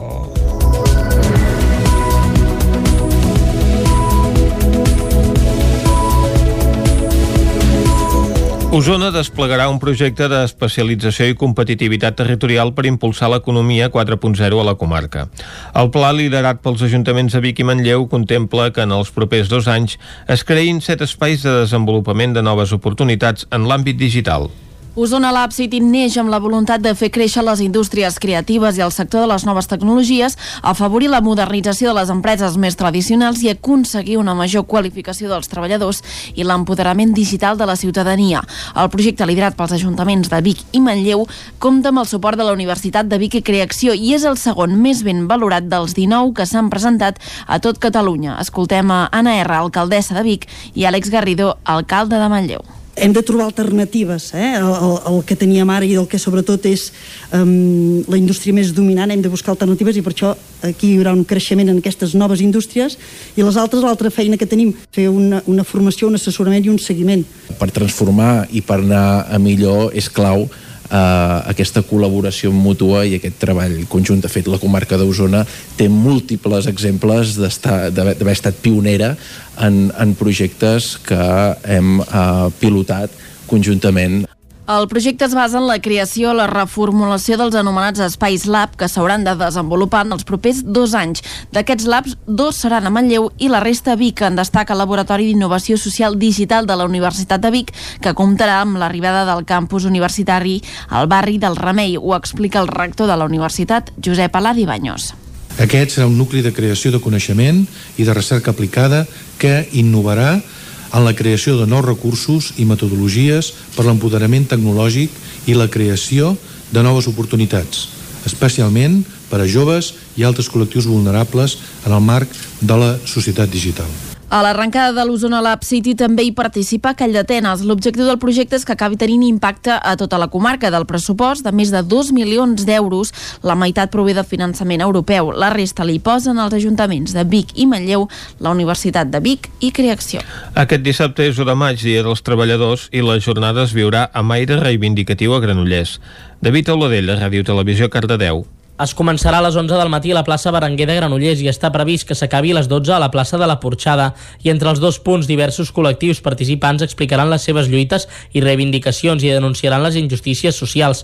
Durant la presentació es va llegir un manifest en què alerten que la situació actual, un any després de l'inici de les mesures contra la Covid-19, s'ha posat de relleu les mancances del model social i econòmic capitalista actual per donar una resposta eficaç als interessos de la majoria social. Lamenten que en un moment on feia més falta protegir les persones més vulnerables hi ha més atur, desnonaments, precarietat laboral, potenciació dels sectors privats en detriment dels sectors públics, racisme institucional potencial pel creixement de l'ultradreta i la llei d'estrangeria alhora que s'ha continuat reprimint la protesta social. També lamenten que totes les administracions públiques han assumit els límits imposats per dictàmens neoliberals. Afirmen que molts ERTO ja s'estan convertint progressivament en ERO, accelerant alhora la desindustrialització de la comarca sense que hi hagi cap pla real de transició ecològica de l'economia del país. Sense deixar l'àmbit laboral, els convocants destaquen que el 2020 ha estat un dels pitjors anys de la dècada en sinistralitat laboral, amb 10 accidents laborals mortals a la comarca, una dada que no sembla millorar aquest any. Ripoll estalviarà un 78% més energia amb la instal·lació de llums LED arreu de la vila. Isaac Muntades, des de la veu de Sant Joan. Des de fa uns dies a Ripoll s'està treballant per tal d'efectuar una renovació total de l'enllumenat públic perquè sigui energèticament molt més eficient. Per aquest motiu s'estan substituint les lluminàries de Ripoll amb làmpades de descàrrega per lluminàries LED, que permetran un percentatge d'estalvi energètic del 78,6%. A més, a cada quadre elèctric s'instal·larà un sistema de telegestió que té diversos avantatges, com que permet graduar la intensitat de la llum en els diferents horaris que estipuli l'Ajuntament. Fins ara, el consum anual d'electricitat de les instal·lacions objecte del contracte era de més d'un milió i mig de quilowatts per hora, mentre que amb la potencial millora de l'eficiència energètica de l'enllumenat públic es passarà a poc més de 324.000 quilowatts per hora. L'enllumenat públic del municipi té un total de 84 quadres de comandament instal·lats que alimenten un total de 2.924 punts de llum. A priori, tots ells presenten un potencial d'estalvi i millora de l'eficiència energètica. CC és l'empresa que s'està encarregant d'executar els treballs i, de moment, segons el mapa de l'obra, ja han posat l'enllumenat LED a bona part del centre històric de la vila i del barri de Sant Pere, a la carretera de Ribes, al carrer Progrés, la carretera de Barcelona i el barri de Vista Alegre. Actualment també s'està instal·lant els polígons Mas d'en Bosch i dels Pintors. L'Ajuntament de Tavernoles ha instal·lat 16 plaques solars fotovoltaiques a la taulada de la Casa Consistorial. La instal·lació ubicada a la taulada de les oficines municipals i del centre cívic es preveu que porti un 40% de l'electricitat que es consumeix habitualment a l'edifici. Aquest fet suposarà una reducció de les emissions de CO2 de més de 2 tones a l'any i també suposarà un estalvi anual de 900 euros en la factura de llum. La instal·lació es va adjudicar a l'empresa Renovalti per un import d'11.800 euros i va rebre una subvenció de la Diputació de Barcelona de 9.100 euros. Des de l'equip de govern de l'Ajuntament destaquen la importància d'actuacions d'aquest tipus i també posen en valor la simplicitat de la instal·lació, que ha estat llesta en menys d'una setmana. Des de l'any 2020, a Tavernoles hi ha aprovades bonificacions fiscals de fins al 50% de l'IBI durant 5 anys per a aquells edificis que incorporin noves instal·lacions fotovoltaiques per l'autoconsum. Aquest proper mes de maig començaran les obres del pas inferior de la C-59 a Caldes de Montbui, a l'alçada del cementiri. Caral Campàs, des d'Ona Codinenca. El Departament de Territori de la Generalitat ha anunciat l'inici de les obres de construcció d'un pas soterrat per vianants i ciclistes en l'accés a la C-59 a l'alçada de Caldes de Montbui. El pas unirà el nucli urbà des de la sortida del carrer de Vigues amb el cementiri. Aquesta modificació respon a una reivindicació històrica al municipi, ja que és un tram molt perillós que connecta el límit urbà de Caldes amb l'entorn rural i per passar-hi fins ara calia travessar la C-59 a peu. De fet, aquest febrer hi va haver un atropellament mortal en aquest punt. Sentim Isidre Pineda, alcalde de Caldes. Jo, jo, insisteixo que el pas soterrat de la C-59 era un tema absolutament històric. històric. Estic convençut que avui molts calderins i calderines gairebé ni s'ho creuen que anem a fer el, el pas soterrat i, i per això el rebem amb, amb molta necessitat. Anava a dir, el rebríem amb il·lusió si n'hi haguessin hagut um, atropellaments com n'hi ha hagut.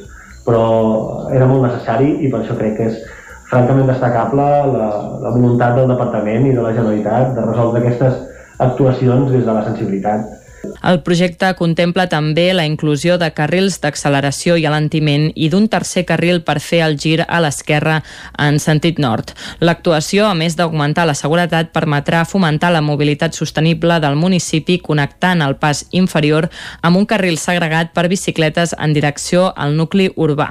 Sentim el director general d'Infraestructures i Mobilitat, Isidre Gavín. Per una altra banda, i després eh, aquest pas soterrat que dèiem que millorarà aquesta connexió a les dues bandes de la C-59 també té un valor afegit que és que li construïm un carril bicicleta i per tant definim un accés eh, peatonalitzat i ciclable des de l'altra banda de la C-59 que penetre cap a dins del municipi. Donarem més seguretat, per tant, als vianants, donarem seguretat als ciclistes i donarem seguretat al trànsit viari i alhora millorarem l'accés a Caldes i la connexió entre les dues bandes. L'obra té un pressupost de 800.000 euros i començarà dilluns vinent, ja que aquesta setmana s'ha firmat el contracte amb l'empresa adjudicatària. Es calcula que els treballs duraran 10 mesos i que, per tant, a principis del 2021 l'obra hauria d'estar finalitzada. Esports. El tenista professional lutí Tommy Robredo, número 229 del rànquing ATP, va ser dimecres a Vic per oferir un clínic a esportistes del Club Car de Sant Tomàs. Entre les activitats del torneig internacional sub-16 Memorial Nacho Juncosa, que es disputa aquests dies a les instal·lacions al Club Tenis Vic, dimecres el tenista professional Tommy Robredo va oferir un clínic per a esportistes del Club Car de Sant Tomàs. L'esport i el tennis en particular pot ser un element essencial per a les persones amb discapacitat. Ho explicava Tommy Robredo. Bueno, jo crec que al final és com un nen petit, no? Un nen petit, eh, el, el jugar, jo sé, a, a, a la xarranca, no? El tenir que anar saltant, a saltar la corda, eh, que li tirin una pilota i agafar-la, eh, poder jugar a futbol, poder jugar a tennis. Són tot esports que, que fa que tinguin que coordinar. I el tennis jo que té una cosa que és molt, molt bona, que primer tens que veure la pilota d'on et ve, per tu poder-te col·locar, després tu golpejar, i, i tot això és molta coordinació encara que no ho sembli no? I, i a vegades hi ha, hi ha gent que té paràlisis no? amb un ictus o el que sigui i veus que els hi costa molt moure una part del cos i, i quan van al gimnàs pues, els hi costa moure la roda o el que sigui els hi poses una raqueta, els hi tires una pilota i ells instintivament ho fan el tenista olotí també va valorar la importància de disposar de tornejos internacionals, com el que es disputa aquests dies a Vic, a prop de casa. Sí, és fundamental. Ara, ara aquí pues, hi ha dos nens d'aquí del mateix club que juguen molt bé i, i els hi va perfecte, no? El poder veure el nivell nacional, el nivell internacional com està, eh, però al final si t'has de desplaçar doncs, amb els tornejos al final té un cost econòmic molt gran, no? I, i si des d'un club o des dels de la, pobles del costat o si des de Barcelona, que és una ciutat doncs, més grossa i que pot fer més, més tornejos, eh, es poden crear tipus d'events d'aquests, fa que els jugadors hagin desplaçar menys i, i al final és molt més senzill eh, que puguin competir a nivell mundial. La sessió amb Toni Robredo va acabar amb el lliurament de diplomes i medalles als participants al clínic. I fins aquí el butlletí informatiu de les 10 del matí que us hem ofert amb Vicenç Vigues, Maria Costa, David Auladell, Caral Campàs i Isaac Muntades. I ara el que ens toca és fer un nou cop d'ull a la situació meteorològica per conèixer el temps que ens espera tant per avui com per tot el cap de setmana. Per tant, saludarem de seguida, altra vegada, en Pep Acosta.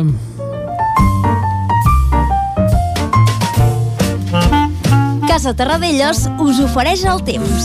Doncs molt bon dia, Pep, altra vegada. Què tal? Hola, molt bon dia. Bon dia, bon dia. el dia d'avui serà un dia molt semblant al d'ahir. Continuem amb aquesta dinàmica de cel molt tapat, d'algun ruixat, poca cosa, poques precipitacions, fins a primeres hores de la tarda cap a la nit ja. A la nit començarà a entrar una precipitació per l'oest de Catalunya i anirà escombrant mica en mica. I arribarà a les nostres comarques, jo crec que cap a la nit, primeres hores de dissabte. Però avui no, eh? Avui això, eh? Això sí que estarà molt tapat, molt poques tones de sol i unes temperatures molt semblants a les d'ahir. De cara a aquesta nit i demà serà quan la inestabilitat s'accentuarà. Aquesta pertorbació que està situada cap al centre i sud de la península Ibèrica, ens afectarà de ple, de ple ens escombrarà, ens passarà per sobre, i jo crec que durarà unes 12-20 hores. Serà el seu màxim esplendor, diguem, eh? quan pot ploure més. Demà es poden acumular 30, 40, 50 litres a moltes zones. I eh, localment en algunes zones superaran els 60-70. Eh? Atenció, demà com deia, és un dia que la, la mobilitat està permesa, eh, molta gent pot sortir, precaució a la carretera, precaució a la muntanya, si neu, precaució a prop de rius i rieres, mm, molta precaució perquè la pluja serà molt intensa en algunes zones. Les temperatures baixaran, eh, no superarem els 20 graus a cap població i també baixaran les temperatures nocturnes. I la cota neu, atenció, estarà a 1.300-1.400 metres. I aquest és un element també molt a tenir en compte, perquè la nevada, especialment per sobre de 1.600-1.700 metres, serà considerable. 20-30 centímetres de neu. Mm, per tant, millor si no es va a muntanya, alta muntanya, que aquesta setmana la situació serà una mica complicada. Baixaran les temperatures demà en picat, com deia, i serà un dia de pluja continuada, no com aquests últims dies, eh, que han fet duixat aquí i allà, no, no. Demà és pluja continuada moltes hores del dia. Diumenge, aquesta perturbació se'n retira, se'n va cap a Itàlia, menys inestabilitat, encara alguna precipitació, però molt menys, moltes menys pluges. Ja dic, aviso, a partir de dilluns arriba la primavera de debò i jo crec que ja podeu anar deixant anoracs i fer el canvi d'armari. Moltes gràcies i fins dilluns. Adeu. Doncs cap de setmana mogudet, però sembla que a partir de dilluns que ve sí que arriba la primavera. Vicenç, i ara el que farem és repassar algunes de les pluges que hi han hagut en les darreres hores, eh?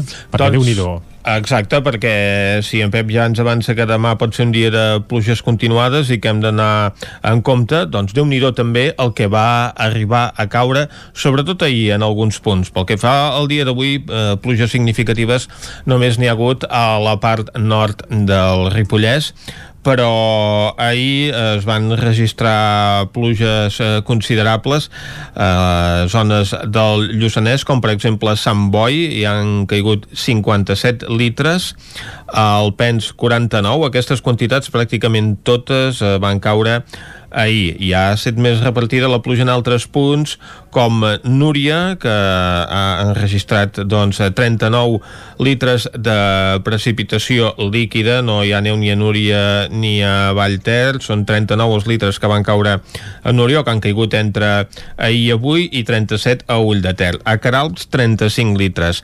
A Vidrà, 33. A Santa Maria de Besora i a Sant Pau de Segúries, 32. A Planoles, 24.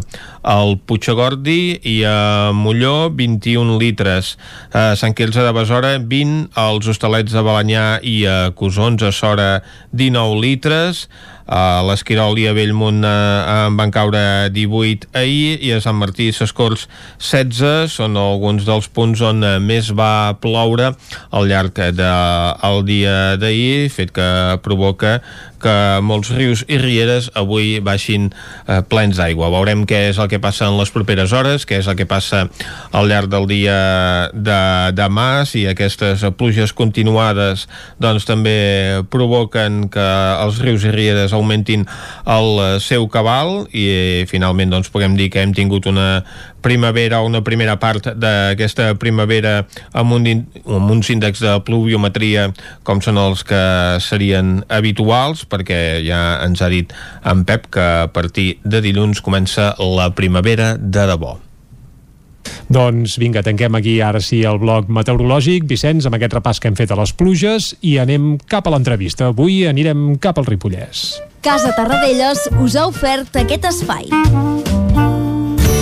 Territori 17. Envia'ns les teves notes de veu per WhatsApp al 646 079 023. 646 079 023. WhatsApp Territori 17.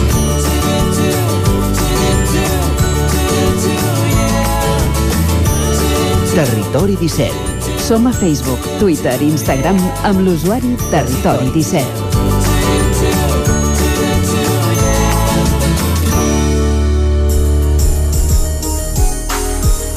Després de 4 anys, l'Associació Producte del Ripollès ha renovat la seva junta, que està formada per 14 representants, entre els quals hi ha Raquel Serrat, ramadera i especialitzada en la cria de poltres, que en serà la nova presidenta.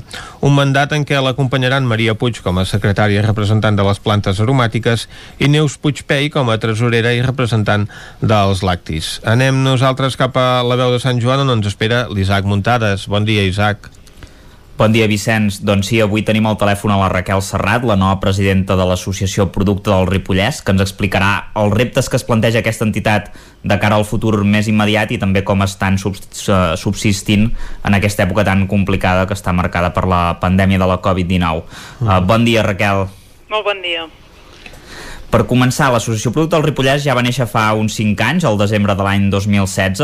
No sé si té bona salut ara mateix quants productors hi esteu associats i quins, quina tipologia de productes hi trobem.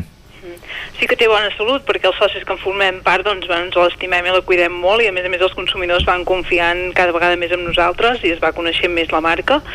Actualment som 60 associats i tenim 16 productes dins l'associació la, um, de tipologies diferents que són la vedella, el poltre, el cabrit i el xai la trumfa de la vall de Camprodon la llangonisseta i els embotits el llet i derivats, la coca del Ripollès ratafia, cervesa mel, plantes aromàtiques i infusions ous, horta i fruits vermells i melmelades.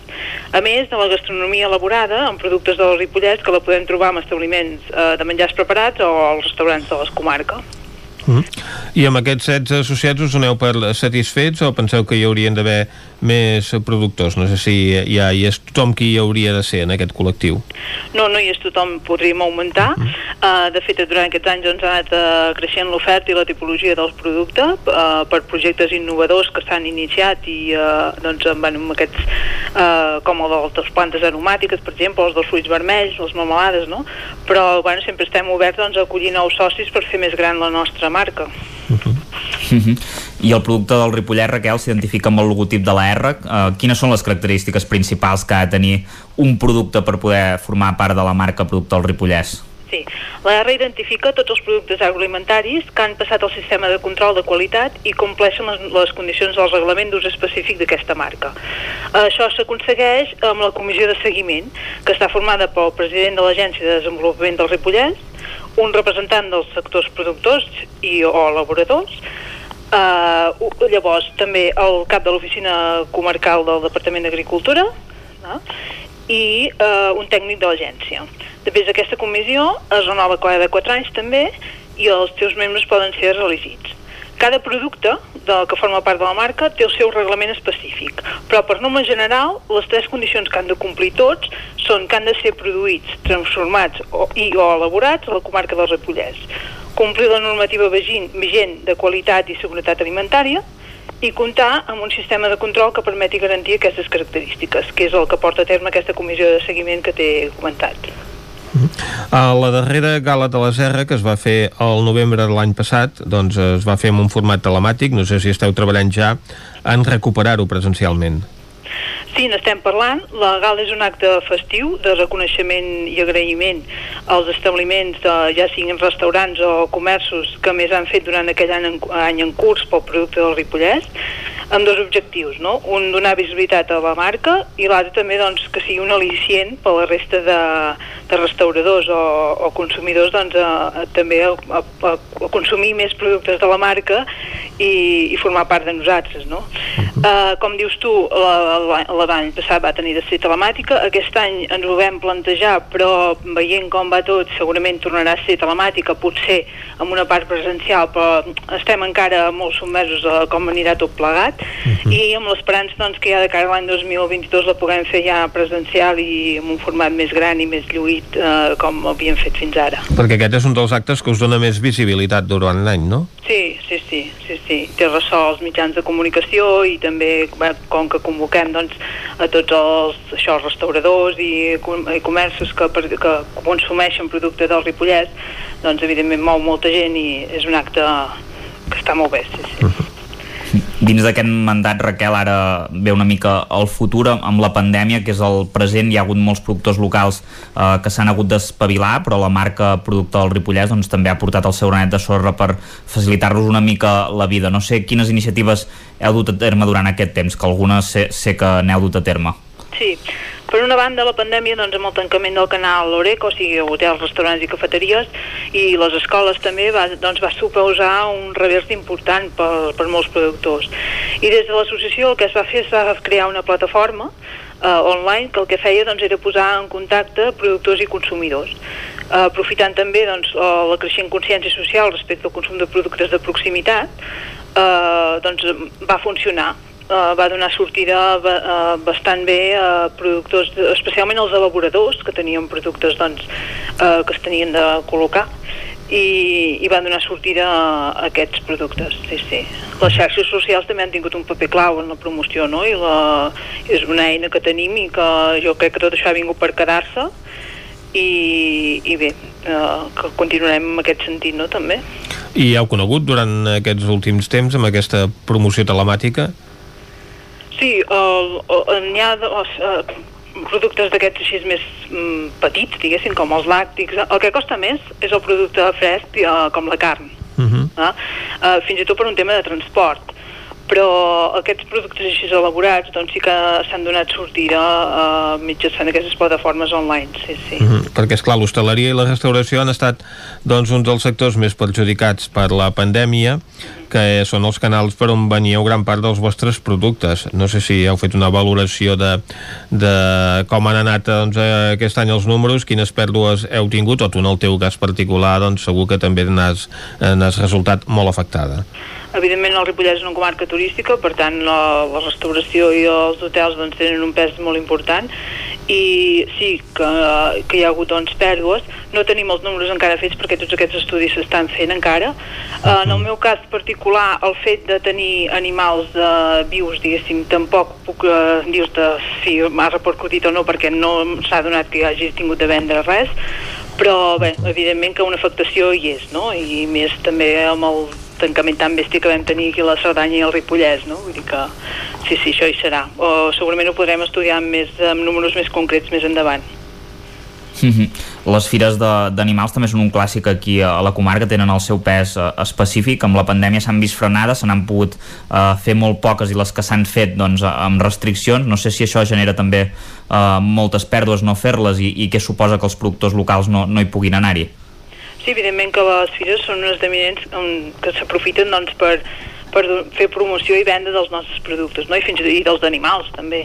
Uh, però bé, doncs ens hem tingut de reinventar i sabem que això no ho podíem fer-ho, doncs buscar altres camins, com el que t'he anat dient, no? Uh, plataformes online, un contacte més, uh, més telefònic, uh, fer altres gestions d'una altra manera. Uh -huh. Perquè també oferiu tallers i activitats perquè la gent ens us vingui a veure i conegui com es treballa a pagès. Explica'ns una mica quines activitats feu. Sí, aquestes activitats nosaltres eh, creiem que són molt imprescindibles perquè és una manera de fer pedagogia i acostar la pagesia a, la resta de la societat. Evidentment també amb el tema de la pandèmia doncs els hem vist molt limitades perquè moltes es basen en ser visites a les mateixes empreses agràries o elaboradores del producte, però bueno, es fan tallers de formatges, de mel, um, de, des de l'agència Ripollès de Desenvolupament i el, i el projecte Líder hi ha el projecte Ens mengem les valls, que les escoles ens visiten també les explotacions ramaderes, però esclar, tot això doncs, s'ha doncs, vist limitat o reinventat, no? Per exemple, les visites a les escoles doncs, hem citat els productors que hem anat a les escoles en lloc de ser les escoles que vinguessin a veure els nostres animals, no? Uh -huh. uh, són diferents projectes que s'han anat o canviant o de moment no s'han pogut fer i ara de mica en mica a veure si els podem anar reactivant. Doncs segur que sí, que mica en mica es podran anar reactivant totes aquestes activitats i tornar a la normalitat en una comarca on aquest cap de setmana doncs, ja podrà tornar a rebre visitants d'arreu del país i segur que s'hi coneixerà a nivell econòmic a tot el Ripollès i també els membres de l'associació Producte del Ripollès doncs també podreu recuperar els vostres eh, canals de venda habitual. Moltes gràcies Raquel per acompanyar-nos. Gràcies a vosaltres. Avui hem parlat amb la Raquel Serrat, que és la nova presidenta d'aquesta associació Producte del Ripollès, que agrupa eh, 16 productors de la comarca en representació de diferents sectors. Amb ella hem parlat una mica de quina era la situació al Ripollès eh, aquest últim any amb totes aquestes dificultats que ha patit el sector. Nosaltres ara al Territori 17 fem una petita pausa, tornem tot seguit.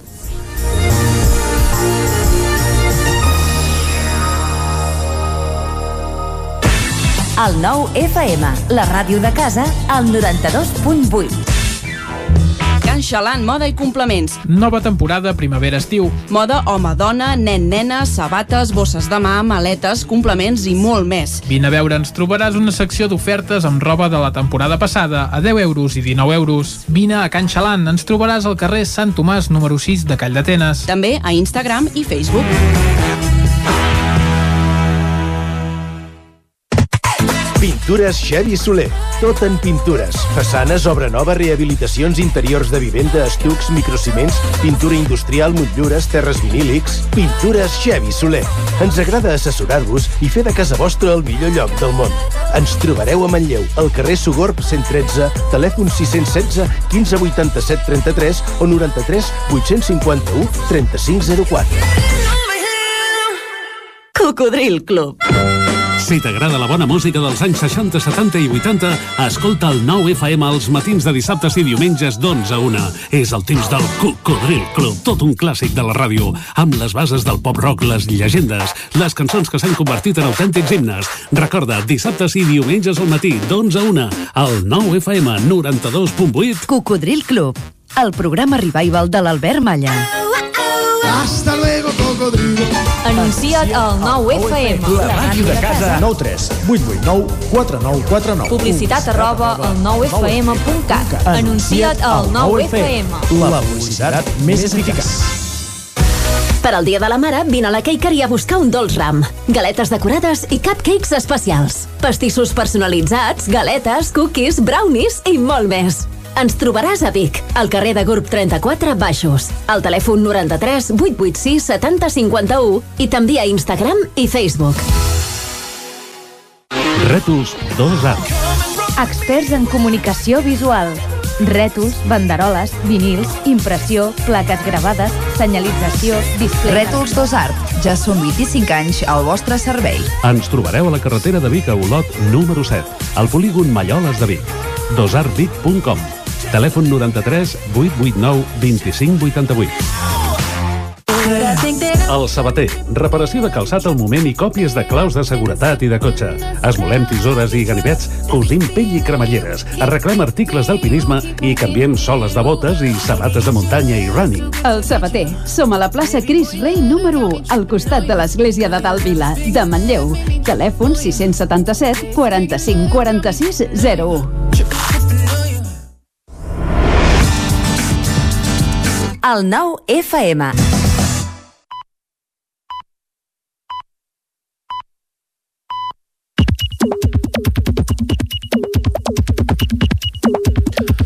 Són dos quarts onze al territori 17 i és el moment de rebre la visita de l'Isaac Moreno. Bon dia, Isaac. I bona hora. El tenim ja a punt perquè ens faci un repàs el que ha trobat avui per Twitter. Doncs he trobat un exercici que fa en Pep Carol, una retrospectiva al passat, que diu M'han vingut al cap una d'aquelles frases èpiques dels pares avis. Abans tot això eren camps. En recordeu més? I hi ha algunes respostes. La primera, d'un tal Pep Carol, que diu Avui dia els matrimonis no aguanten res. Li respon també, per exemple, l'usuària Nin Virginia, diu, si haguessis passat gana, o la iaia Toneta, jo a la teva edat ja treballava. O l'Enric Sorinyac, que diu, abans feia més fred. En fi, n'hi ha tantes d'altres. També n'hi ha alguna referent a... allò, no, haguéssiu passat una guerra i coses d'aquestes. Eh, eh, no apareix en Franco vivien millor? Eh, encara no. Fins al moment... Tot ningú. arribarà. Exacte. Més qüestions. Miquel R. diu, molts negacionistes de vacances a l'Índia aquests dies? Pregunta que queda a l'aire. Anna Pont. M'agraden els detectors de presència dels lavabos que s'apaguen cada 3 segons quan et rentes les mans mentre l'aixeta es tanca cada 2 segons perquè ajuden a exercir de maneres ben curioses el cos i la imaginació. Gràcies, per tant. Bé, eh, tot sigui fer gimnàstica. Sí, clar. Teresa Rossell diu, el 30 d'abril del 86 els esbirros de Pinochet van fer una redada i van detenir 1.000 persones. En aquell moment jo no entenia com el món podia fer com si res i suportar les dictadures i el feixisme. Continua igual. També a la línia, la Laura Serra comparteix l'article Nació Digital de Joan Serra, que diu algunes idees sobre com no són tractar... germans, per cert. No, són matrimoni. Algunes idees sobre com tractar l'extrema dreta des de la política i els mitjans. Una reflexió amb l'experiència acumulada en el cas de Josep Anglada, cara de l'ultradreta catalana quan el discurs xenòfob tenia una presència institucional més limitada. I la Laura que comenta el 30 d'abril del 86... No, perdó, la Laura que comenta l'altre model Vic com fer front a l'ultradreta com diu en Joan Serra, cada mentida necessita una rèplica política i cada problema una solució tangible a curt i llarg termini. I com apuntava per aquí l'Agustí Danés, els mitjans no li han de fer mai d'altaveu. El que avui ens ha costat de trobar són piolades referents al brillant partit del Barça d'ahir. Com que no n'hem trobat cap, deixem-ho sense comentaris. Dubto que sigui així, però bé, en tot cas, eh, lamentar que ahir aquesta derrota del Barça doncs, fa que les seves possibilitats de guanyar la Lliga es compliquin.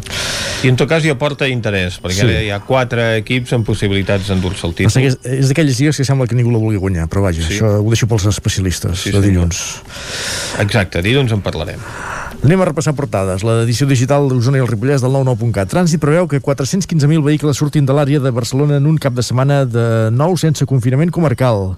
També una furgoneta volcada a la C-17 de Balanyà o 45 anys d'una placa centenària, en aquest cas és la placa ABAC de Roda a Vic.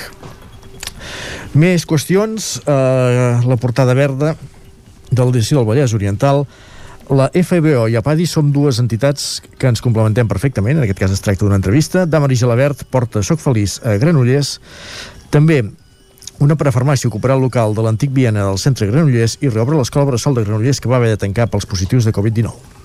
Molt bé, doncs, moltes gràcies, Isaac. De què, bon dia. Anem nosaltres ara cap a la taula de redacció. Territori 17.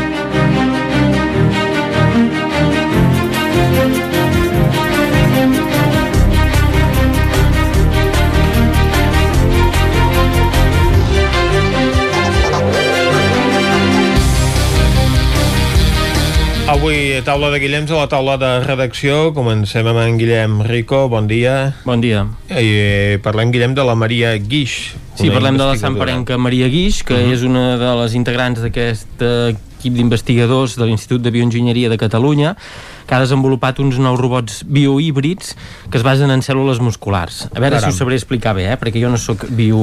No ets biohíbrid. Biohíbrid. Um, el tema és que han creat uns... Un, ah, ah, o sigui, ha, han fet una cosa que, que suposa un gran avanç en el tema de, de, la, de la robòtica també, um, perquè han creat uns petits robots que tenen un, me, uh, poc més d'un centímetre de, de longitud, que poden nedar, moure's uh, com un peix i uh, arribar a unes velocitats que fins ara no s'havia pogut arribar Mm, entenem. Uh -huh. no és que vagi com una bala, però No. clar, és més del que es podia fer fins De ara. què la tecnologia fins ara permetia. Exacte. Uh, um, o sigui, ells han, el que han fet és fer com un, uh, han imprès en 3D el, com l'esquelet de, del robot que és com una mena de molla i llavors a través de, hi han implantat uh, aquestes cèl·lules uh, vives diguem, musculars. El tema és que són musculars i que fan que es puguin anar contraient el, el, el múscul. I llavors amb la molla aquesta doncs amb, amb el moviment que genera el múscul quan es contrau doncs es crea aquest moviment. Fa 3 anys que hi treballen la Maria Guix ens deia que això que estan acostumats a fer projectes a vegades que duren uns mesos i que en aquest cas ha estat 3 anys i que i han aconseguit això, a banda d'aquesta impressió 3D amb, amb, amb uns hidrogels eh, que són com unes gelatines, han integrat aquestes cèl·lules i, i llavors fan que no només que creixin aquestes cèl·lules, sinó que això aprofita, fan com un, aquest moviment contràctil que provoca la molla, uh -huh. fa com que el múscul s'entreni, no? És com si ell deia, és com si anés, el múscul és el gimnàs. gimnàs. I llavors es va, es va enfortint i s'aprofita aquest moviment i llavors poden controlar una mica eh, això. L'esquelet és la part artificial, diguem, i les cèl·lules que s'entrenen d'aquesta manera mecànica i amb el moviment de... Quan, quan, quan es contrau llavors el- l'esquelet eh, torna al moviment doncs llavors això fa que no hi hagi de cap input elèctric ni res, sinó que es crea el moviment per ell mateix i es fa, el múscul s'estimula per ell mateix i, i es, fa, es fa això. Llavors deien això, que era molt fàcil posar les cèl·lules amb aquest hidrogel però el, el complicat era aquest, aquest auto, au- autoentrenament. I llavors amb això deia, suposa un pas endavant pels sistemes híbrids també per les pròtesis biomèdiques que hi poden integrar músculs reals i fins i tot amb, amb, es pot crear a través de, de, de cèl·lules musculars pròpies de la persona que, que ha de portar per exemple una pròtesi o el que sigui i llavors també eh, es pot servir per fer cribatges de medicaments eh, perquè es poden fer proves també amb aquestes pròpies cèl·lules musculars és a dir, en comptes de fer-ho això es, evitaries doncs, per exemple fer proves amb animals vius, amb rates o amb el que, amb el que utilitzin Mhm. i llavors un, estan treballant ara el proper pas és és fer com, que hi hagi com una regeneració no? per si tens un braç biònic cobert de- d'aquest múscul Mhm. eh, que tu puguis tenir el braç biònic cobert del múscul i, i, i pots fer-te un tall i que aquest tall es pugui regenerar també ell per ell mateix no? um, i això um, Curiosa tra- aquesta investigació, Sí, és vaja. curiós, ella treballava molt amb temes... De... Ella va estudiar química, de fet, eh? eh, però va, No va anar a parar amb el tema de la nanotecnologia, va estar als Estats Units, a Alemanya, amb equips que lideraven eh, aquestes qüestions i han anat evolucionant perquè deia quan va començar els robots que hi havia no, no tenien res a veure amb, amb el que hi ha ara. Deia els robots anaven una mica allà volia anaven una mica així com bojos i ara el que han aconseguit és, és controlar-los també amb això, eh, amb aquesta barreja de, de, de, de, que en diuen això, aquests robots vius no? amb, amb cèl·lules vives i amb la, Mhm. i amb la part me mecànica o tecnològica i llavors això, no? per suposa un gran pas deia també per, per altres grups que puguin investigar i realment això deia, són robots vius que senten, creixen i, i es regeneren no? perquè eh, es poden això, això que dèiem d'aquests talls que que pot fer i aquest entrenament, lesió. això, aquesta mena de, de gimnàs de, de, de cèl·lules doncs, que fan que, que vagin creixent. Uh -huh. eh, és una cosa molt tècnica, eh, però Exacte. sí que...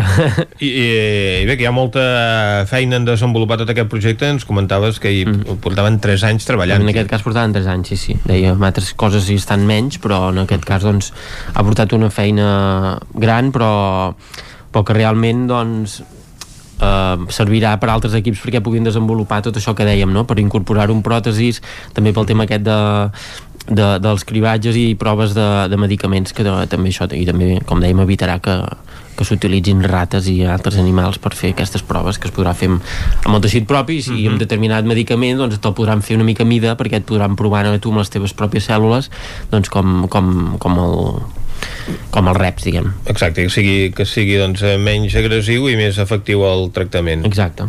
Sí, sí, diferents, té diferents àmbits eh, que es podran treballar a partir d'aquesta investigació. Mm -hmm. Molt bé, doncs moltes gràcies eh, Guillem per parlar-nos d'aquesta investigadora de Sant Pere de Torelló. Ara nosaltres anem a parlar amb en eh, Guillem Freixa.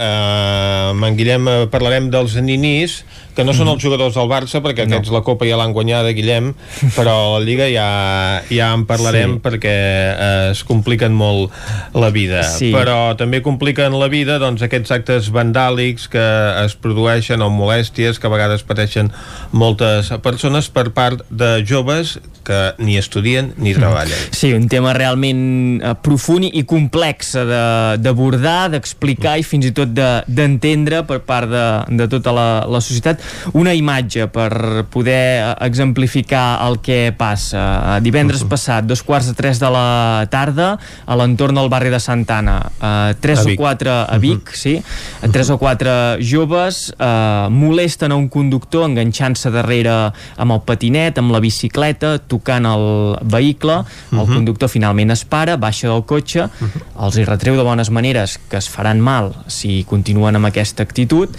i sense que hi hagi discussió, un d'ells clava un cop de puny en el conductor. Aquest seria una Caram. escena.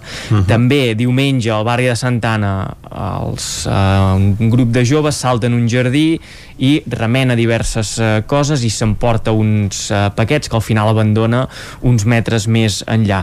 Són diverses molèsties que eh, en l'última setmana i des de ja fa uns, alguns, mesos eh, s'han produït a l'entorn d'aquest barri de Santana de la ciutat de Vic, però també en zones com el Mercat Municipal, la Farinera, el Vic Jove, eh, baralles, sospita de tràfic i consum de drogues, furs, molèsties als vianants i, i altres eh, accions incíviques que han posat en alerta els veïns i també l'Ajuntament de Vic. Des de la Regidoria de Seguretat, Educació i Joves, Bet Franquesa remarca que ho tenen detectat, que hi treballen de valent amb aquest grup de joves, que els tenen eh, Que molt saben qui acotats, són. saben qui són, és un grup eh, molt concret d'una dotzena de, de joves que, com bé deies, ni treballen ni estudien. I precisament Bet Franquesa remarcava aquest, aquest tema, que tenen molt temps per passar al carrer i ella deia que eh, estant al carrer no tenen mai cap bona idea, en el Mhm. sentit que eh, s'acaben dedicant a això, a actes vandàlics, a bretolades i que arriba un moment que aquest eh, límit entre la bretolada i la delinqüència doncs és molt difús Mhm. i això és perillós perquè en aquest grup hi ha menors d'edat, també hi ha majors d'edat per tant els modus vivendi cap al que es poden encaminar és realment perillós. Com dèiem, l'Ajuntament de Vic que ho té eh, detectat, de fet aquest tema va aparèixer també en l'últim ple municipal, es va comentar aquesta situació i des de l'àmbit municipal s'estan fent diverses intervencions, com són per exemple oferir beques salaris perquè es puguin eh, reinserir en algun àmbit laboral, perquè tinguin Mhm. alguna motivació i és que aquesta és una de les claus que i alguna en- ocupació també Exacte, nanos en situació eh, personal, familiar, econòmica eh, complexa, Mhm. no tenen cap motivació, no tenen cap perspectiva ara mateix eh, en un futur a, curt termini i aquestes beques salaris doncs, han de ser per això, per intentar encendre Mhm. la, la xispa, l'espurna de- d'enganxar-se amb, algun, amb algun hàbit i amb Mhm. alguna activitat. I també es treballa amb la mediació d'educadors al carrer que ens expliquen que en petit grup, o sigui, agafats els Mhm. nanos un per un, de dos en dos, funcionen, són nanos Mhm. doncs que, que reaccionen, que eh, participen en les activitats, que són capaços de, de mantenir eh, doncs aquesta activitat que se'ls hi proposa, però el gran problema és quan s'ajunten amb aquest eh, gran, gran grup. Mhm. Des de Vic també s'està treballant en un projecte de cara ja a l'any que ve, vinculat a l'escola, ja incidint en les noves generacions que van pujant perquè no agafin de referència aquest grup de, de 10-12 joves joves que estan causant problemes i es tracta d'una escola municipal d'extraescolars a, a secundària per això, uh -huh. perquè quan acabin l'institut de seguida puguin en les hores següents enganxar-se a alguna activitat sobretot vinculada a l'esport i que sigui un pas intermedi uh -huh. entre no fer res i estar en un club potser tan reglat com estar en un club no hi encaixarien aquests nois o potser no hi acabarien de, de tenir una continuïtat i en canvi amb aquesta activitat extraescolar sí que s'hi poden anar enganxant. A Vic passa això, a Manlleu es troben en una situació similar, també 5 o 6 joves reincidents, eh, diversos furs en habitatges, en comerços de, uh -huh. de poca importància i fa que al cap d'unes hores de que els eh, enxampin, de que els cassin, tornin a ser al carrer. De fet, l'alcalde Àlex Garrido remarcava això, que eh, ells ho saben això, i uh -huh. l'any demà i, i tornen. Des de la vessant de, de la promoció social, des de l'àrea de promoció social i personal, Pere Comte um, explicava el perfil d'aquestes persones que també encaixa amb el de Quívic. Són nois nascuts al, al país, que han, que han seguit el, el circuit habitual d'escolarització, possessió però que un cop acaben els 16 anys se'ls perd eh, el que dèiem, ni treballen ni estudien, eh, es troben eh, desubicats i a més a més no tenen les mateixes oportunitats que altres eh, persones que viuen a, a Vic o, o Manlleu i això condiciona el seu futur.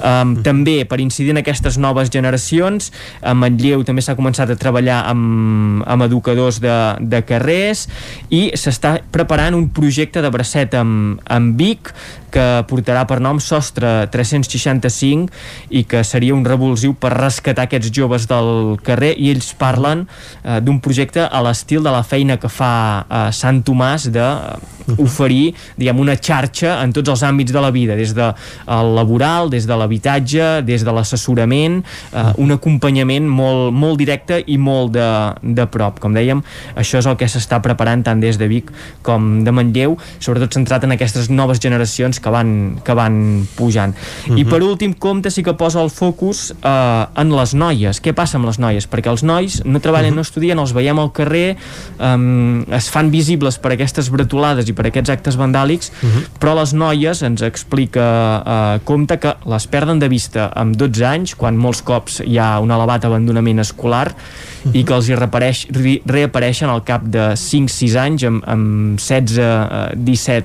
anys, a la porta de serveis socials, moltes amb, amb moltes dificultats personals o fins i tot amb, amb criatures eh, petites, per tant, eh, és aquesta invisibilitat que tenen les noies de, del perfil de, de no treballar i estudiar. I per últim, remarcar que hem pogut comentar aquesta situació amb Salvador Simó, doctor en Educació Inclusiva i codirector de la Càtedra de Salut Mental de Vic, i ell remarca que la clau d'aquests nois és trobar un projecte de vida, tenir expectatives, aconseguir oferir expectatives en aquests nois, eh, ubica la responsabilitat d'aquesta situació en el sistema educatiu, també en la societat com a òrgan global, però també en els mateixos joves. Els mateixos joves han de ser responsables dels seus actes i del camí que va agafant la seva vida i per tant se'ls ha d'oferir totes les oportunitats, se'ls ha d'oferir facilitats per poder-se enganxar-se enganxar en aquesta societat, però ells també han d'aprofitar l'oportunitat i respondre en, en positiu perquè si no és, és perdre el temps. Per tant, aquesta preocupació latent a Vic i Manlleu per aquests grups de joves que ni treballen -huh. ni estudien i que causen aquests eh, problemes a, a la via pública. Uh -huh. Molt bé, doncs, eh, Guillem, moltes gràcies. Nosaltres posem punt i final a la taula de redacció d'avui. Territori 17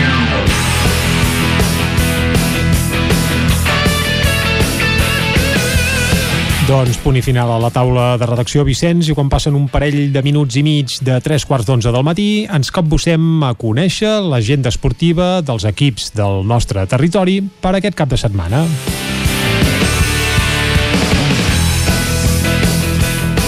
I aquest repàs a l'agenda esportiva del cap de setmana, que fem habitualment sempre els divendres aquí a Territori 17, Vicenç, l'arrencarem anant on? Anem a Cardedeu, allà ens espera l'Òscar Muñoz. Bon dia, Òscar.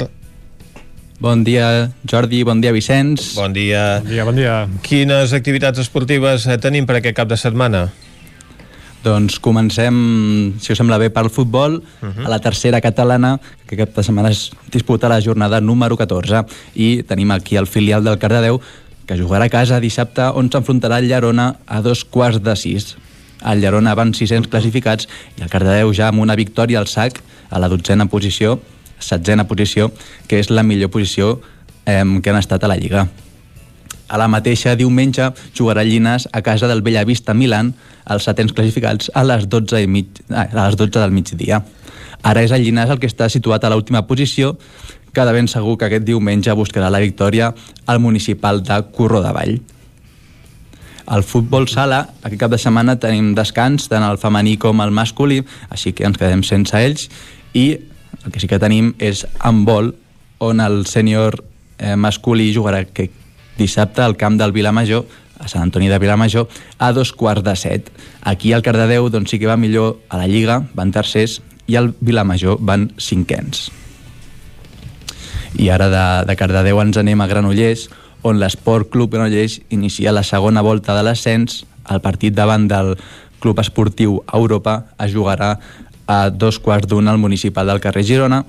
I recordem que l'Europa és el primer classificat i en els últims cinc partits eh, contra el Granollers, eh, el Granollers només ha pogut guanyar un, ha empatat dos i ha perdut també dos. De fet, l'Europa ja Així ha pujat que, doncs, de categoria. Sí, l'Europa ja està dalt de tot. Uh mhm. -huh. L'Europa ja... Amb estelada, eh? Que hi va haver la polèmica, ara, ara, ara. Sí, Diguem-ho clar, que els del Mundo Deportivo això no ho tenien gaire controlat. No els agrada gaire l'estelada no del Mundo no, Deportivo. No. I això, i per acabar, acabem amb l'handbol, on dissabte les noies del CAC 7 Balonmano Granollers jugaran a dos quarts d'una contra l'Aula Alimentos Valladolid en una setmana que ja han sapigut el rival de quarts de final de la Copa de la Reina, que serà l'Elx, però això ja ho deixarem pel 21 de maig, mm -hmm. o mhm. si tot va bé, 22 o 23, si tot va molt bé. Doncs, eh, exacte, encara queden aquestes tres setmanes, ja n'anirem parlant quan arribi el moment. Doncs, Òscar, moltes gràcies. A vosaltres. Ara nosaltres anem eh, cap a l'altra banda del Vallès Oriental, anem a una codinenca, i allà ens espera la Caral Campàs. Bon dia, Caral. Hola, bon dia. Doncs començo aquest repàs esportiu parlant de futbol. A tercera catalana tenim uh mhm. -huh. el Sant Feliu de Codines, el Mollà i el Castellterçol. El Sant Feliu de Codines s'enfronta al Voltregà diumenge a les 12. El Mollà s'enfronta al Roda de Ter diumenge a dos quarts de cinc i el Castellterçol a l'Aigua Freda eh, diumenge també a un quart d'una. Eh, I pel que fa a la classificació, eh, que els tenim aquests tres equips de tercera catalana, uh mhm. -huh. comentar-vos que el Sant Feliu està al número 9, que és el millor classificat dels tres, amb 10 punts, el Mollà està al 11 amb 8 punts i el Castell Tarsol primer per la cua, el número 17 amb només 3 punts, eh, dos empats i 3 partits perduts. I me'n uh -huh. vaig mhm. cap a l'hoquei. Uh, no tenim partits d'hoquei aquest cap de setmana. Les noies del Vic es van tancar l'últim partit de la Lliga, el número 6, amb 11 punts, i no es van poder classificar pels play-offs. El Sant Feliu uh mhm. -huh. de Codines, que el tenim a segona divisió, descansa aquest cap de setmana, a falta d'un partit per tancar la Lliga, i també salvats matemàticament del descens pel partit de dijous passat contra el Vilanova. Recordem que el Sant Feliu està al número 8, amb 21 punts, i i bé, només els queda disputar contra l'Arenys en un partit corresponent a la jornada 22 doncs ja el dia 8 de maig. I els que tampoc juguen són el primer equip d'alcaldes que descansa aquest cap de setmana i no recupera cap dels dos partits aplaçats, el contra el Palafrugell i el que havia de disputar contra el Lloret. Eh, doncs bé, per positius els altres equips doncs, no els poden recuperar aquest cap de setmana que en principi descansen però podrien aprofitar uh -huh. per jugar-los i bé, encara no tenen dates tampoc per recuperar-los. Per tant, el pròxim partit que disputarà Alcaldes serà el dia 8 de maig contra el Liceo en un partit doncs, ja corresponent a, als habituals de, que, al que tocaria, diguéssim. Els equips masculins a l'hoquei Lliga, doncs eh, la veritat és que s'agafen eh, mm. seriosament això de la festa del treball. Exacte, s'ho agafen seriosament i, i no mhm. disputen, però bé, tenim el, el futbol que us en parlaré dilluns dels resultats. I tant que sí, i ara, gràcies Caral, ara nosaltres el que fem és anar a la veu de Sant Joan amb l'Isaac Muntades. Isaac, bon dia. Bon dia. Què bon tenim dia. al Ripollès aquest cap de setmana? Doncs tenim derbi per començar i que això segurament és la notícia més, més important de, del cap de setmana esportivament parlant. El grup 18 mm. de la tercera catalana, el Camp de Bànol i la Badesenc disputaran el derbi al camp de, del Camp de Bànol uh, aquest dissabte a les 4 de la tarda i és un partit uh, molt decisiu perquè qui perdi ja es podrà dir que uh, pràcticament es queda sense opcions de guanyar aquesta lliga d'una volta que mm -hmm. també fa gràcia igualment però, però ja ho tindrà més uh, complicat Ara mateix els locals estan més necessitats perquè són uh, uns ens i només tenen 10 punts, això sí, amb un partit menys contra el Sant Gregori que han de recuperar. Uh -huh. uh, I en canvi, el conjunt Sant Joaní uh, tenia 14 punts, hem estat mirant les últimes hores, uh, sembla que els hi han descomptat 3 punts, no, no hem acabat de saber per què, uh, li han donat com a perdut el partit contra les Planes que, que havia guanyat, uh, esbrinarem aviam què, què ha passat Exacte. perquè els hi hagin restat, potser podria ser tranquil·lament un error de, de la web de la federació, però en tot cas ara mateix eh, si els hi restem aquests punts està just per sobre del Camp de Bànol. Uh, uh -huh. si no serien cinquens classificats. Per tant, doncs un, un derbi molt important per tots dos equips i, i segurament qui arriba més necessitat o um, que necessita més els punts és el, és el de Bànol uh, després el torneig de la zona catalana, el Camprodon, que és l'últim d'un grup de, de sis i ha perdut els quatre partits que ha jugat, s'enfrontarà al Besalú com a local a un quart de cinc de la tarda. Si perd, eh, pràcticament podríem dir que ja no podria quedar primer, seria virtual, perquè eh, s'haurà d'esperar que la Mer eh, jugui el seu partit perquè han vist com li suspenien eh, per un cas positiu de Covid a l'equip contrari, per tant l'agonia aquesta s'allargaria un, un altre cap de setmana per veure si, si tenen opcions o no. Eh, per tant, el, el Camprodon realment ara ja s'hi juga una mica l'honor. Després eh, tenim dues coses més, eh, el grup de la primera catalana d'hoquei, l'hoquei Club de Ripoll haurà de guanyar el Gaiec B, eh, si vol tenir una remota opció d'accedir al grup 1 de la fase 2, és pràcticament impossible que això passi, eh, ja, ja us ho diem ara perquè els ripolleros tenen 10 punts i estan a 3 del Cassanenc, que és l'equip que tenen just per sobre, i falta només un partit. Uh, a més, el Cassanenc té un partit menys, per tant, si el guanyés ja no hi hauria opcions, i l'única manera és que el Cassanenc perdi i el Ripoll guanyi i que, i que aixugui una diferència de, de, de gols rebuts i encaixats d'11 uh, que és molta diferència, per tant és pràcticament impossible que això passi i el, i el Ripoll segurament no, no podrà accedir en aquesta uh, segona fase. I en futbol sala uh, comença la segona fase de la Lliga de Primera Nacional, que enfrontarà a la primera jornada l'Escola de Futbol Sala Ripoll Servicat contra l'Albelda aquest dissabte a dos quarts de set de la tarda. Els ripolleros van acabar la primera fase segons i, i l'Albelda va acabar en quarta posició i el partit disputat a la primera fase en terres aragoneses com a referència va acabar amb empat a un al marcador. Molt bé, doncs moltes gràcies, Isaac. A vosaltres. I ara nosaltres anem a fer balanç del cap de setmana esportiu a la comarca d'Osona, a veure quins són els actes més destacats que s'hi preveuen. Doncs vinga, començarem parlant d'hoquei patins. A l'hoquei Lliga ja ens ha quedat clar que hi ha vacances. Exacte. A l'hoquei Lliga Plata també hi ha vacances. Sí, Recordem que el Manlleu jugarà la setmana que ve a la pista del Capellades. Si suma un punt, uh -huh. uh, serà equip d'hoquei Lliga. Una hoquei Lliga que, per cert, ja ha perdut el Club Pativic després de 31 temporades seguides a l'elit.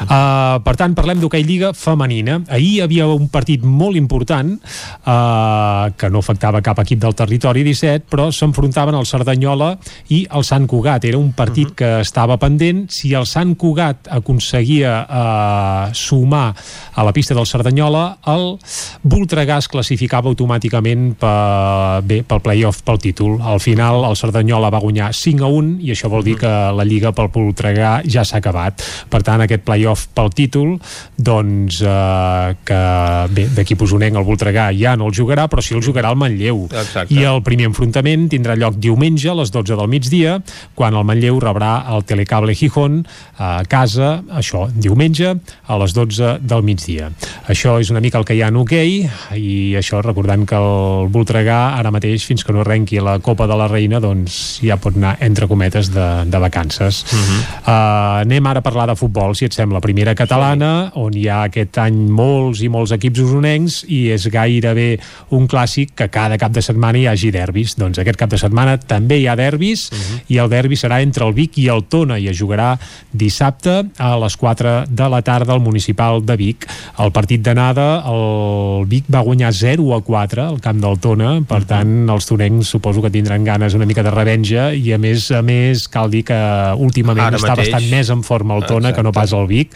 El Vic fa unes quantes jornades, bé, primer que no juga per temes de Covid i els últims partits que ha jugat no ha estat gaire encertat i ja no recordo ni l'últim cop que ha sumat 3 punts. Per tant, diguem que el Vic aniria una mica més necessitat que el Tona en el derbi d'aquest dissabte.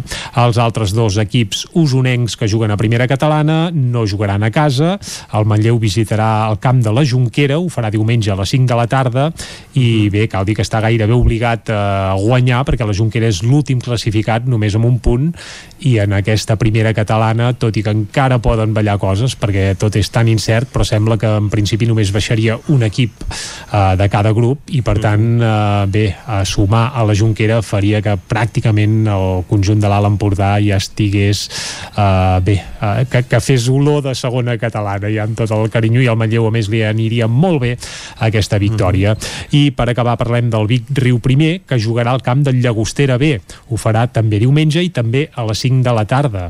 El Llagostera B que quan va visitar el camp del Vic Riu Primer doncs es va veure sorprès i va perdre va perdre crec que 2 a 0 en un partit uh -huh. que, que bé, el Llagostera B no sé on es pensava que anava però va arribar al camp del Riu Primer va veure herba allà natural gairebé d'un pam dalt i quan se'n van adonar i quan van dir, ostres, aviam com va això ja perdien 2 a 0 i faltaven 20 minuts per acabar el partit. I ho recordo perquè hi vaig ser.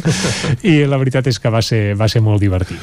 Uh, i fins aquí el repàs esportiu d'un cap de setmana marcat, uh, això sí, perquè moltes competicions, al ser el cap de setmana de l'1 de maig doncs uh, no és que facin festa però bé, no hi ha gaire activitat. Per tant ens quedem amb hoquei femení i amb futbol de primera catalana. I amb això tancarem el repàs a l'agenda esportiva dels principals equips aquí a Territori 17 I de- destaquem també, Jordi, que perquè fa els esports individuals s'està disputant avui el Raid Internacional Hípic d'Olost, una competició de tres estrelles TEI, un recorregut de 160 quilòmetres, una prova doncs, d'alt nivell en el món hípic que tindrà continuïtat demà amb els raids ja de menys recorregut de 100 i 123 eh, quilòmetres. Doncs aviat és dit, eh? Tants quilòmetres. Amb a cavall. Sort que es fan a cavall. Sí. Molt bé, doncs amb això tanquem ara sí el repàs a l'agenda esportiva del cap de setmana.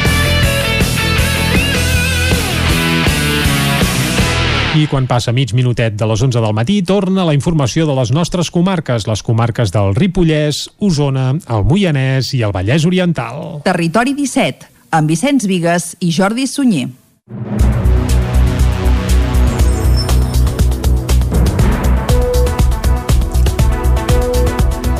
Baixa notablement el nombre de pacients ingressats per coronavirus als hospitals d'Osona. En aquests moments hi ha 73 persones ingressades als centres hospitalaris de la comarca, 18 menys que la setmana passada quan es van comunicar 91 pacients amb infecció activa. També ha disminuït el nombre de nous ingressos. Aquesta setmana als hospitals d'Osona hi ha ingressats 26 pacients, 21 menys que la setmana passada. Segons l'últim balanç del Consorci Hospitalari de Vic, actualment a l'Hospital Universitari de Vic hi ha 49 pacients amb infecció activa, 17 dels quals requereixen cures intensives. A l'Hospital de la Santa Creu hi ha 20 persones ingressades i a l'Hospital Sant Jaume de Manlleu 4. I pel que fa a les dades del Departament de Salut, el nombre de casos confirmats a Osona ja supera els 18.600. Al llarg de l'última setmana se n'han confirmat 311 de nous. També creix el nombre de defuncions. En els últims 7 dies, 8 persones de la comarca han perdut la vida per causes relacionades amb el virus, elabrant la xifra total des de l'inici de la pandèmia a 667. Pel que fa a les dades de vacunació, a la comarca 37.033 persones ja han rebut la primera dosi de la vacuna. La segona ja s'ha administrat a més de 14.300 persones. El dia 13 de març de 2020 els centres de dia per gent gran van tancar. Més de 13 mesos després, l'avenç a la vacunació permet que alguns, com el de Centelles, vagin reobrint. Dilluns va obrir les portes de nou al centre de dia de Centelles després de més d'un any de tancament a causa de la pandèmia de coronavirus. La dotzena de persones que hi han acudit aquesta primera setmana ja eren usuàries del servei abans de l'arribada de la Covid-19. S'hi han pogut retrobar després de 13 mesos a casa i ahir dijous hi van celebrar l'aniversari de la Teresa Planes, que feia 94 anys. L'escoltem. No, a casa també hi estava bé, eh? També són molt macos i també hi estava bé. Però venir aquí també m'agrada. Anar al centre de dia també m'agrada. També passes més el dia.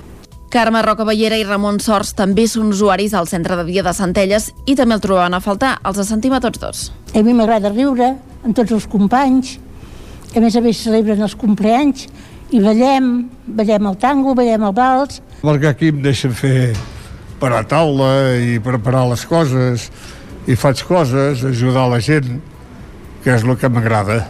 El principal requisit que s'estableix per a la reobertura dels centres de dia és que el 85% dels usuaris estiguin vacunats contra la Covid-19. També es fixen controls en l'accés i s'exigeix que el servei quedi totalment separat del de les residències. Per això que el centre de dia de Centelles, on intervenen nou professionals, s'ha habilitat on hi havia el gimnàs. Ho explica la directora de la residència Sant Gabriel i del centre de dia, Magda Sibina. Hem hagut de fer unes, unes quantes adaptacions, però al final ens ha quedat un, un centre de dia molt, molt xulo i que crec que donarà cabuda a les persones que, que necessitem que, que hi assisteixin De cara a la setmana vinent esperen l'arribada de tres usuaris més, dos dels quals nous. L'equip del centre de dia a la residència de Sant Gabriel espera poder anar recuperant a poc a poc la normalitat després de la duresa dels últims mesos. A la residència, on la primera onada del coronavirus no hi va entrar, s'hi va declarar un brot a finals de novembre del 2020 que va provocar set defuncions. No la caguis és el títol de la campanya de promoció del civisme i la convivència ciutadana que ha impulsat l'Ajuntament de les Franqueses del Vallès. El primer aspecte en què s'incidirà és en el del servei de recollida de voluminosos. David Oladell, de Ràdio Televisió, Cardedeu. Al llarg de les properes setmanes, els carrers de les franqueses es convertiran en l'aparador d'aquesta iniciativa amb accions que incidiran en aspectes com l'abandonament de voluminosos al carrer, el respecte cap al mobiliari urbà i l'espai públic, la prevenció i separació de residus i la tinença responsable d'animals. Les primeres accions van dirigides a l'abandonament incontrolat de residus voluminosos a la via pública. És un problema que no afecta únicament a les franqueses, sinó que és comú i generalitzat a pobles i ciutats. La campanya és una eina de conscienciació que es basarà en quatre eixos, la recollida de voluminosos, la prevenció de residus i recollida selectiva, el respecte al mobiliari urbà i a l'espai públic i la tinença responsable d'animals de companyia. El material de difusió es complementarà amb altres accions de conscienciació i l'enviament a tots els domicilis d'un llibret amb una adaptació de l'ordenança de civisme i convivència ciutadana de les franqueses, que es va aprovar al ple municipal del 25 d'abril de 2019. El Centre Cívic La Fonteta i el CIM d'Àligues de Sant Feliu de Codines reben el distintiu de punts d'informació turística de qualitat en la jornada Turisme Vallès 2021. Caral Campàs, des d'Ona Codinenca. El Centre Cívic La Fonteta i el Cim d'Àligues de Sant Feliu han estat distingits com a punts d'informació turística.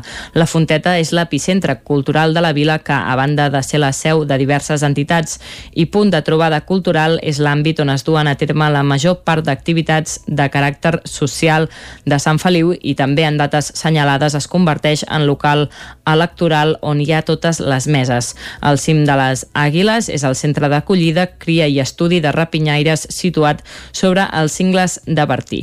Aquests dos espais s'uneixen als guardonats també a Caldes de Montbui i a Vigues i Riells. Les jornades Turisme Vallès 2021, com hem informat en altres butlletins informatius, van reconèixer l'Ajuntament i l'Oficina de Turisme de Caldes amb el segell Biosfer que destaca el compromís per la sostenibilitat i la Biblioteca de Caldes va rebre el distintiu PIT, punt d'informació turística de qualitat. En el cas de Vigues, l'Hotel Molí de la Torre també va rebre tant el distintiu PIT com el segell Biosfer juntament amb el Molí d'Oli de Can Sapera. Ahir dijous es va commemorar el Dia Internacional de la Dansa i després d'uns mesos marcats per les restriccions, alumnes i professors celebren que la pandèmia no hagi aconseguit aturar el dia a dia en les escoles com la TLS, ubicada al polígon Mas Galí de Vic. Amb mascareta i més distància de l'habitual, alumnes i professors de l'Escola de Dansa TLS ja fa setmanes que van tornar al centre després d'un any marcat per les restriccions. La pandèmia no ha aconseguit aturar l'activitat a l'escola, però per molts alumnes seguir les classes des de casa no ha estat fàcil. És el cas de la Aitana Cuevas, que explica que el joc de llums de l'escola, que permet deixar l'aula pràcticament a les fosques, l'està ajudant a recuperar sensacions. Doncs jo, quan ballo a les fosques, sento com molta més llibertat a l'hora de poder-me expressar ballant i noto com molt més que torno a, a sentir com ballava realment, ja que hem estat uns quants mesos a casa tancats i doncs em sento molt millor a les fosques. Per Toni López, director del centre, donar aquest punt d'intimitat a l'alumnat era un dels puntals del local que l'any 2019 va inaugurar al carrer Costa d'en Paratge de Vic. Escoltem Toni López. Bueno, ens agrada això, no? que, que tinguin aquest plus diferent, que no tinguin una sala i prou, sinó que ara de cop doncs, apaguem totes les llums i això també ajuda a que ells estiguin una mica més en la intimitat i el que ens passa a vegades, no? si estem sols a casa a la intimitat, doncs poder ens deixem anar més i ballem més. Doncs és aquest punt, no? de buscar això i que se sentin més còmodes encara. Dissabte passat l'escola ja va ser present a l'Atlàntida de Vic per commemorar el Dia Internacional de la Dansa, una de les jornades més especials de l'escola que després d'un any d'aturada obligada celebren haver pogut recuperar. La Fundació Vilacases inaugura una exposició escultòrica al Palau de l'Abadia de Sant Joan de les Abadeses que se centra en un nou llibre de Balzac. Isaac Muntades des de la veu de Sant Joan. Sou davant d'una dona i busqueu un quadre. És una frase de Fraunhofer, un vell pintor i artista que és el protagonista de l'obra mestra desconeguda d'Honoré de Balzac, un petit llibre de culte que es va publicar per primera vegada l'any 1831. Aquesta frase la va dir davant de dos artistes que l'admiren, Franz Purpus i Nicolas Poussin, els quals queden desconcertats en veure l'obra en què Fraunhofer feia 10 anys que hi treballava i on només hi veien brutxades i capes de pintura. Fraunhofer estava fent un retrat femení de la Catherine. Com que busca la perfecció i no la troba mai, al final només s'hi veu una obra abstracta abstracte i inintel·ligible amb un fragment de peu de dona d'una increïble perfecció. La frase de l'obra mestra desconeguda ha estat escollida per Natàlia Chocarro, adjunta de la Direcció d'Art de la Fundació Vilacases, per a l'exposició d'escultures del fons de la Fundació que ha comissionat i que exposarà fins al 25 de juliol a l'espai Art l'Abadia de Sant Joan de les Abadeses. La mostra conté una vintena d'obres de 18 artistes, alguns de tan reconeguts com Jaume Plensa, Enric Pladevall, Joan Mora, Antoni Marquès, Mercè Rivera, Maite Vieta o Rosa Morós. Segons Chocarro, la selecció d'escultures té el desig d'analitzar conceptes com l'ànima, la no escultura o la divinitat creativa que apareix al text de Balzac, a través dels microrelats que es poden establir entre les obres que la componen, sigui des de posicionaments estètics i cronològics molt diferents o a la interpretació de l'espectador que contempla l'obra. Chocarro va destacar algunes de les peces més rellevants de l'exposició. La peça de la Rosa Amorós, que és una obra de ceràmica, que és una obra que és l'abstracció en ella mateixa, també vas trobant obres que et funcionen molt i molt bé a l'hora d'articular aquest discurs. L'obra, per exemple, que arrenca l'exposició, que és la d'en Jaume Barrera, considero que és una obra meravellosa, és una natura morta, d'una puresa extraordinària, que traspua una poètica molt interessant, com a partir d'una natura morta amb tres dimensions, perquè no oblidem que és una escultura, és una mena de calaix on l'artista situa doncs, els elements característics de la pintura holandesa, de les pintures mortes, però tot tenyit, l'encapsula amb una atmosfera blanca i al damunt presenta en primer terme una mena de tul que a l'espectador li crea una mena de distància entre els objectes que, que ha esculpit o que, que, que formen part de l'escultura i l'exterior. També hi ha la instal·lació de les escultures de Mercè Rivera que es despleguen molts metres quadrats i és un conjunt de violins de resina que desprenen harmonia, entre moltes altres. Cal recordar que l'any passat la Fundació Vilacasa ja va inaugurar una exposició del fons pictòric i l'any que ve preveu fer-ne una amb el fons fotogràfic. I fins aquí el butlletí informatiu de les 11 del matí que us hem ofert amb Vicenç Vigues, Maria Costa, David Auladell, Caral Campàs i Isaac Muntades. I ara no anirem al temps, recordem que tindrem un cap de setmana i ens ho ha avisat el Pep Acosta, eh? remullat, sobretot demà, però que a partir de dilluns comença la primavera i sortirà el sol, doncs això, ens n'anem directament cap a conèixer clàssics musicals d'aquells que han fet història, ens els acosta cada divendres en Jaume Espuny. De seguida sabrem amb què ens obsequia avui un segon i tornem.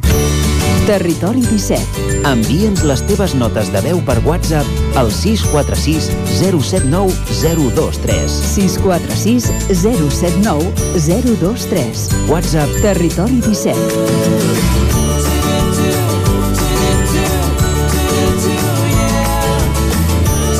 Territori 17. Som a Facebook, Twitter i Instagram amb l'usuari Territori 17.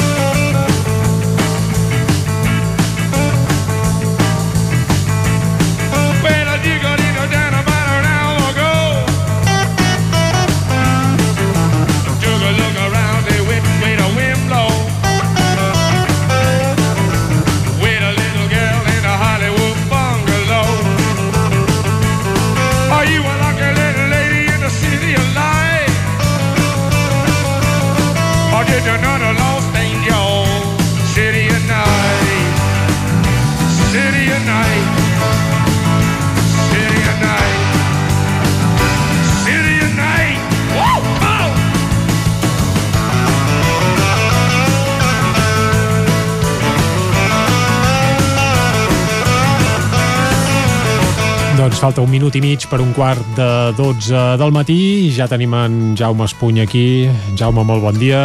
Molt bon dia. I em sembla que avui en Vicenç i tot ja sap què ens portes, eh? La setmana passada ens vas sorprendre, però avui eh, jo crec que la gent que ens escolta des de casa ja té clar, o bona part de la gent, Els- evidentment, sí, sí. té clar el que està sonant, eh? Els Canyos Afters també eren famosos, eh? Sí, bueno, però estan avui una mica més famosos, que eh, són els... Bastant de- més. Els, bastant més, perquè ho dieu vosaltres. Uh, The Doors, jo hi era, eh? Jo hi era. Quan, quan? quan, quan hi havia... Quan, Ah, quan traien actuaven discos, els The Doors, clar, és Canyos que- i els Doors. Clar, jo quan es van morir encara havia de néixer, imagina't. Sí, sí, quan Total. es van morir els Dors, vull A, dir, a, eh? ahir, 29 d'abril de 1971, Mhm. va fer 50 anys que van gravar aquest disc, els Doors, el sisè L, L.A. Woman, dona dels anys de Los Angeles, que era el sisè disc de- d'estudi, setè en total, de, dels Doors, i l'últim, l'últim, amb Jim Morrison. Jim Morrison era el líder, el cantant, eh, i una icona de, és una icona del rock que va morir eh, tres mesos després a casa seva a París, eh, al cap de, de tres mesos. I després el, el, els Doors van treure algun disc més, però, però es van acabar al cap de, de tres anys. Ja. Sí, el 73 van plegar veles, El 73, no? exactament. Uh, no se sap per què, de què va morir. Va morir a París, vivia allà en una casa, en un pis, amb una, amb una noia. Uh -huh. uh, Home, no, no duia una vida gaire endreçada, no, per no, no, no, i però eh? no se li va fer cap autòpsia, per tant, no, no se sap, no? Uh, està enterrat a, al cema- un cementiri de, de, De París, París, sí, sí. i allà encara hi va, hi va algun vell nostàlgic. Jo, jo, jo, jo era. Fa temps, eh? El I vell abans de- nostàlgic es diu. A veure, la, tom, la tomba de, de Jim Morrison. Mm-hmm. Sí, sí. Uh, bueno, és, el, és del club dels 27 anys que ja n'han parlat altres vegades. El- Els aquests que grans, famosos Mm-hmm. Jimi cantants. Hendrix, uh, per, Jim per, ordre, per ordre de desaparició, Brian Jones dels Rolling Stones, Jimi Hendrix, Janis Joplin, Jim Morrison, Kurt Cobain i l'Amy Ah, Winehouse. ah, Correcte, Amy Winehouse. Però potser ara podríem sentir una altra cançó. Home, i tant, i tant, i tant. Una eh, que a mi m'agradava molt, bueno, m'agrada molt, que és eh, Riders on the Storm, Mhm. Genets a la tempesta, m'encantava el piano del Rick Manzanek. Sentim la tempesta ja, eh? Doncs va, ja la tempesta la tenim de fons, és del disc, eh? De moment encara no plou. no. i el piano- que en Pep Acosta ja ens ha dit Ens ha que dit que sobretot demà, demà... I el piano és, és fonamental, aquesta cançó. Doncs va, escoltem A uh, un bon fragment d'aquesta peça, uh, que la tempesta ja la tenim aquí. Vinga. Riders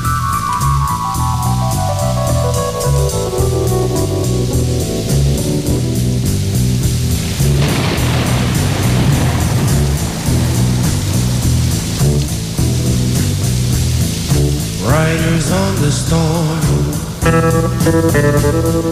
Riders on the storm. Into this house we're born.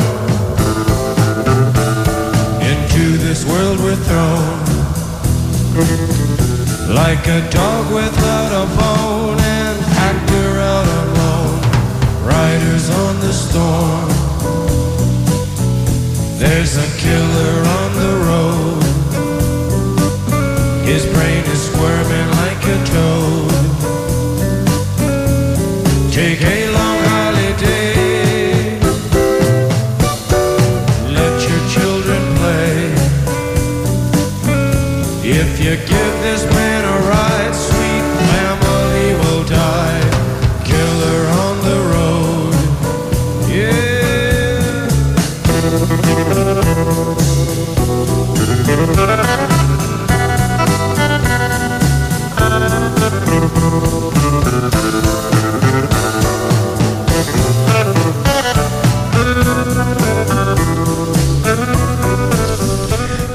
La guitarra també està bé, eh? Oh. Sí.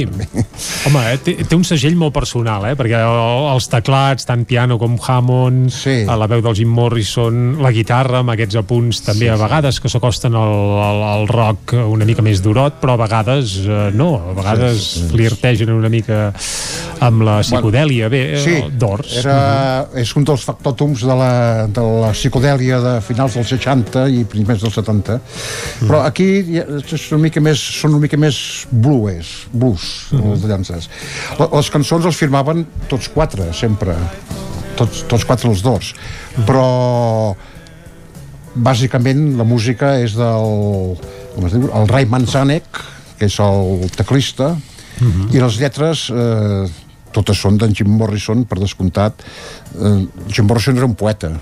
Mm, havia publicat dos llibres a més, dos llibres de poesia etc i ell deia que volia ser, bueno, no sé si ho deia ell o, o ho deien els crítics, una barreja de Frank Sinatra i Elvis Presley, que és una barreja Home. déu-n'hi-do, no? Sí, Home, bastant bé, potent. bé, quin, quin Home, mix Sí, la veu, curiós, la veu està bé. I quin, com... dels, I quin dels dos seria el poeta? Sí, cap dels dos. El, com deia abans en Jordi Sunyer, una vida una mica... Va, va tenir problemes amb la justícia, eh, per exhibicionisme, per... Eh, amb un concert va començar a cridar que tu, que aquí hem de fer la revolució i, i la gent era perillós, insults a la policia, etc.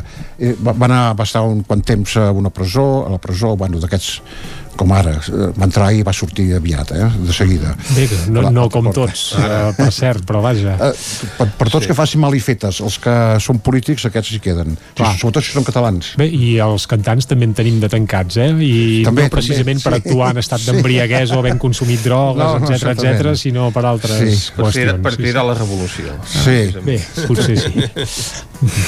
Va, escoltem una altra cançó, va. Va. Encara, eh, estem sentint el piano encara del Rick Manzanek. Uh. -huh. uh, escoltem Love Her Medley, t'estimo bojament.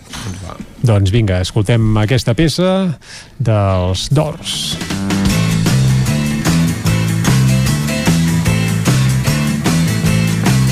Don't you love her badly? Don't you need her badly? Don't you love her ways?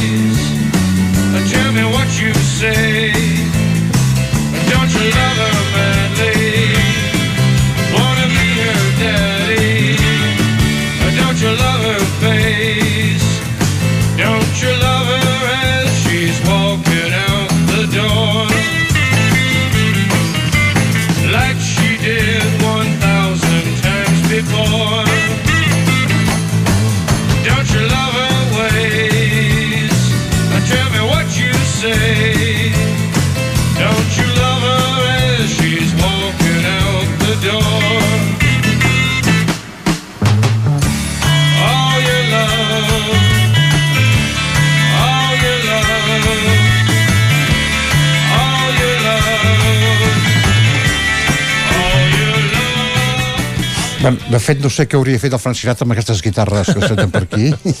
Bé, i amb les bateries també s'hagués esbarat una mica, potser, sí, sí. Uh, uh, avui farem una mica de trampa. A veure. Uh, bueno, una mica, res, eh? Uh, ja que estem parlant dels dos, tot això, hi ha una cançó que no és d'aquest disc, però es- escoltarem d'aquí una estona, no és d'aquest disc, uh, però que a mi sempre m'ha encantat, que uh, és d'un disc anterior, uh, i es diu The End. Al final. Al final, Per la cert, fi. ara que, que dius això del final, eh, a principis del segle XXI van mig ressuscitar els d'ors, eh?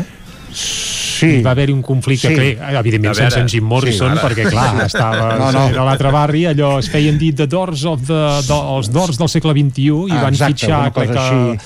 Liam Astbury de, de Cult com a cantant. Però no, no, va, però no va bé. No, no, ja, Sí, no, no, ho dic perquè potser algú li sona que encara, eh, fins i tot crec que van editar algun disc en directe i tot, uh, però bé, crec que fins i tot els descendents del Jim Morrison els van Sí, denunciar sí, sí, i va haver sí. uns merders judicials per fer servir el nom de la banda això també havia passat amb Sang Traït en l'àmbit català també, no cal anar gaire lluny per veure exemples d'aquests però vaja, la conclusió és que havia, hi havia hagut una mínima resurrecció i t'ho volia apuntar per Però aquí, sí, sí, Jaume, sí, sí, no, ja me'n recordo. Sí, Però ja, ja no m'hi fixo gaire amb això. No, no, bueno, no. total, que la Dient, aquesta cançó, que ja d'aquí un moment ja la començarem a sentir, eh, és el principi, su- se sent al principi i al final d'una pel·lícula que també m'encanta, que és, no sé si l'heu vist, Apocalipsi Nou. Mhm. Home, un clàssic, i tant. Al principi que es veu una, una selva amb flames de, de, que li han tirat bombardejant napalm i el capità Willard després es veu que va sonant aquesta música que, que és el Martin Sheen, l'actor, en una habitació neurastènic, torrat o drogat o alguna cosa així eh, que, a cop de punys contra un mirall sang.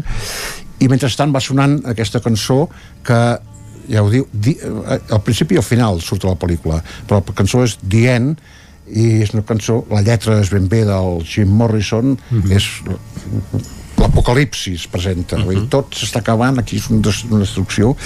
I també va tenir problemes amb aquesta cançó perquè en una, cap al final eh, es posa a cridar allà i diu pare, et vull matar. Mare, et desitjo. I això no. La En moral aquell nord-americana no els hi va acabar de, nord-americana de i altres llocs, eh? no, i no diguem Sí, sí, l'espanyola doncs, d'aquella època que... però eh, aquesta cançó a mi sempre m'ha transportat a tres de llances. Escoltem-la una estona. Va, doncs un fragment d'aquesta peça. No safety or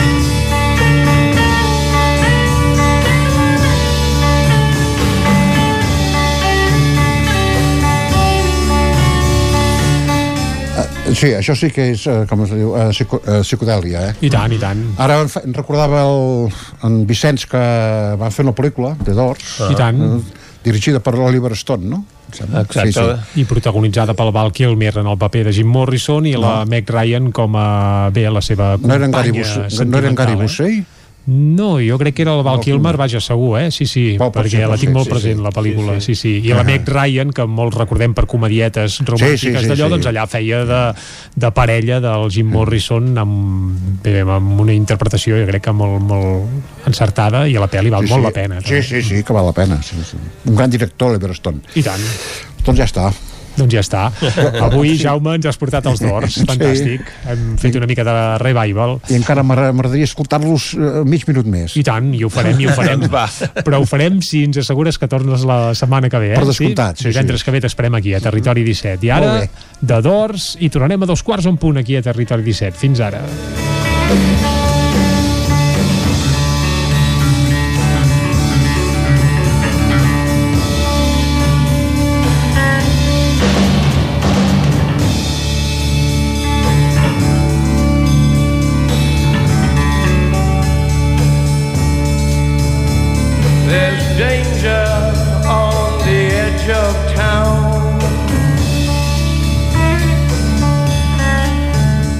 Territori 17.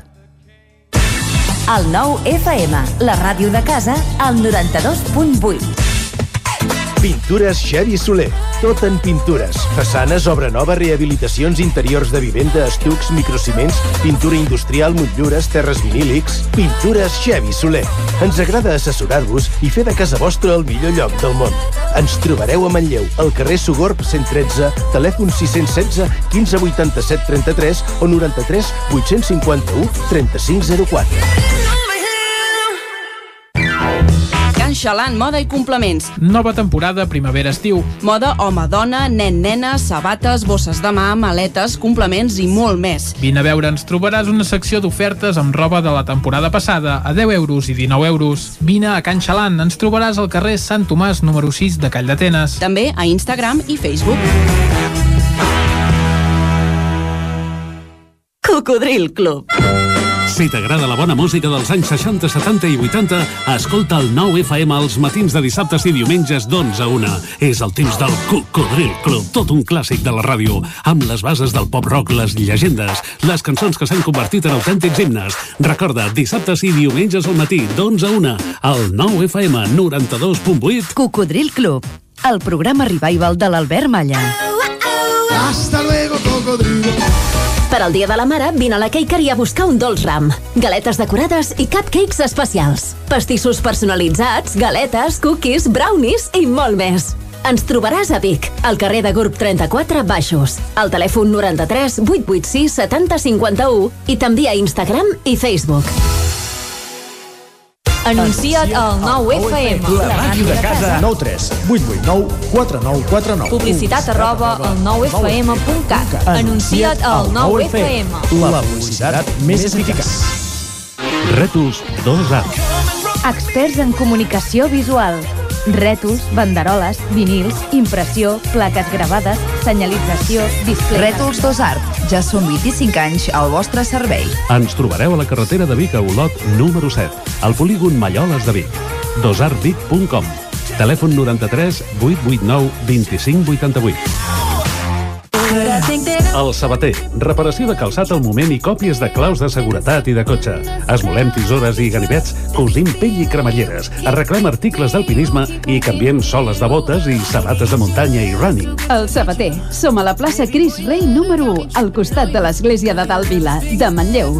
Telèfon 677 45 46 01. El 9 FM, la ràdio de casa, al 92.8.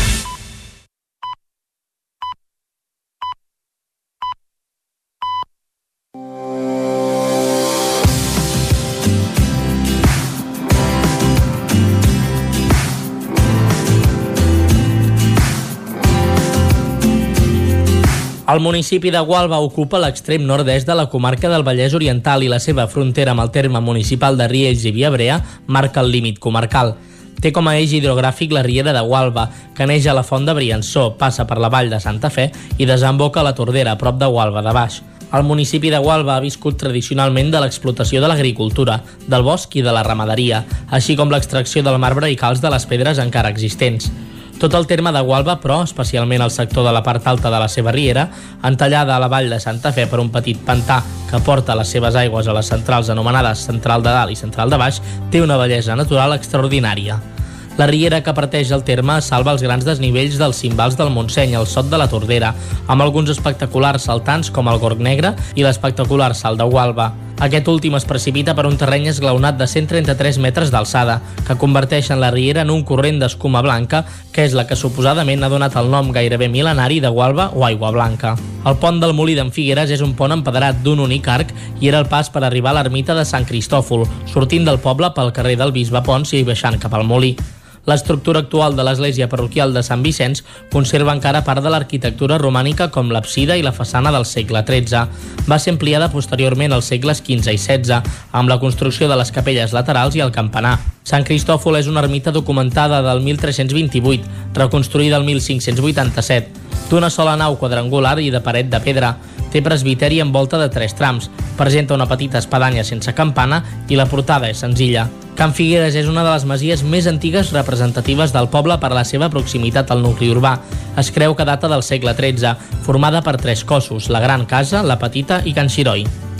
Visitar Gualba és visitar la natura i gaudir de la quantitat de rutes i senders que plega el Montseny. De fet, les rutes són el principal incentiu turístic de la població.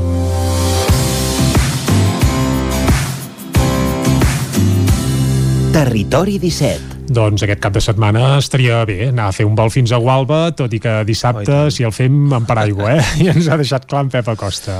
Anem al tanto. Uh, anem amb tren ara per això? Anem amb tren, va. El tren sempre va bé perquè no et mulles, en teoria hi ha sostre. Uh, exacte, i Una com que sempre va malament, doncs els dies que plou continuen anant malament. Per tant, tampoc passa res. No. Però almenys no et mulles, és un avantatge que té viatjar en tren. Vinga, anem cap a la Trenc d'Alba, després parlarem de, de gastronomia, perquè som divendres i toca la foc lent, eh? Primer per això ens enfilem al tren. A Trenc d'Alba, edició pandèmia. Ara sense els usuaris que ens explicaven les seves desgràcies a la R3, però amb els mateixos retards i problemes de sempre. Benvinguts a Tren d'Alba. Doncs bé, ara ja farà mitja hora que ha d'haver començat la visita de la delegada del govern a Catalunya, Teresa Conillera, i del subdelegat a Girona, Albert Bramont, a les obres de rehabilitació del túnel de Toses executades per Adif a la línia R3 entre Barcelona i Puigcerdà. També hi són el director general de Conservació i Manteniment d'Adif, Àngel Contreras, i representants comarcals i municipals de la Cerdanya i el Ripollès. Suposem que han començat la visita, perquè ja sabeu que els polítics són una mica com la puntualitat dels trens de l'R3, que sempre arriben tard a tot arreu. Esperem que les informacions que les obres, tot i haver-se endarrerit 3 mesos, anaven més ràpides del previst, es compleixin. Concretament, tenen tot avui per acabar-les, perquè van dir que s'allargarien fins al maig. Per tant, si no ho liquiden avui, ja no hauran escurçat terminis. En fi, espero equivocar-me, però potser no acabaran fins a finals de mes. Va, ens retrobem dilluns amb més històries del tren i de la R3. Territori 17. Em sembla que aquest calendari d'obres, eh, vaja... El portem més moll que la pluja de demà. Correcte, correcte. Uh, Dalt d'Isaac, com la gent de Renfe, la gent Sí, d'Arif, senyor. el més calent a l'aigüera, com sempre, a la R3. Tot i que la data fixada per la finalització de les obres del túnel de Toses era el dia 9 de maig, que casualment coincideix amb la fi de l'estat d'alarma. Però, pel que sembla, doncs, les obres anaven a bon ritme i en principi s'havia de mantenir aquesta data del 9 de maig, doncs, la reobertura del eh, túnel de Toses. Doncs el 9 de maig estarem al cas, Oh, però per si de cas no sé pas si podrem passar pel túnel. Però vaja, fet aquest apunt, ara sí, anem cap a la foc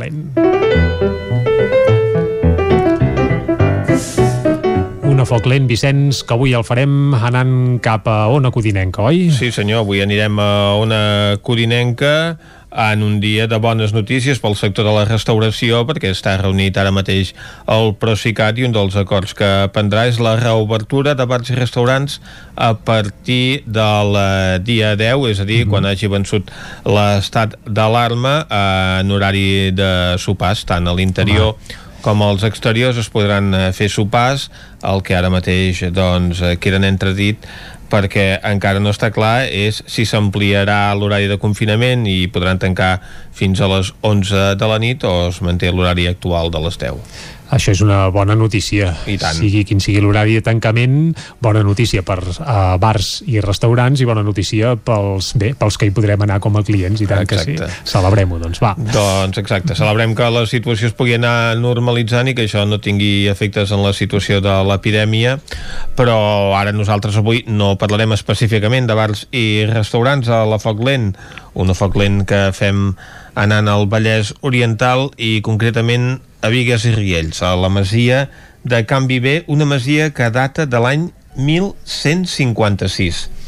La comarca compta amb diversos productes de proximitat i de segell bellesà, com són la mongeta del ganxet, el vi, els embotits, però també, i d'entre els més preuats, hi ha l'oli de la varietat Vera. Anem cap a una codinenca, com us dèiem, allà ens espera la Caral Campàs. Caral, bon dia. Hola, bon dia. De, doncs sí, al Vallès doncs, hi ha un producte molt emblemàtic que és l'oli de la varietat Vera i també hi ha la masia de Can Viver, que com bé deies data de l'any 1156, que és una de les masies més històriques i emblemàtiques de la comarca, on també produeixen aquest oli. Per descobrir doncs, la història i el procés d'elaboració d'un oli d'alta gamma i de les oleoexperiències tenim al telèfon a Rosa Maria Pérez, productora i organitzadora doncs, de les oleoexperiències. Bon dia, Rosa. Bon dia. Abans d'entrar a parlar del producte i de les activitats que oferiu, com dèiem, les oleoexperiències, volem conèixer la història de la Masia. 850 anys d'història. Quantes generacions familiars han viscut al Mas? No sé si vosaltres hi viviu actualment. Nosaltres vivim, sí, nosaltres vivim i, i tot el nostre esforç ha estat, eh, doncs, sobretot, re, recopilar i, i rehabilitar i tornar una mica a, a fer important la masia, no? en el sentit de, de buscar doncs, tota la informació que vam poder trobar en aquí i donar-li un, un, una, unes visites, donar-li un sentit. Eh, doncs, bueno, eh, amb aquestes olioexperiències hem, hem, hem, hem fet unes visites que barregem una miqueta la història de la masia amb com produir un oli d'alta gamma. Tenim entès que el Mas va estar uns anys sense activitat i Correcte. el 2006 ho veu reactivar. Correcte, sí, sí. Va estar abandonada gairebé durant 50 anys. Mm -hmm. Vull dir, va ser un...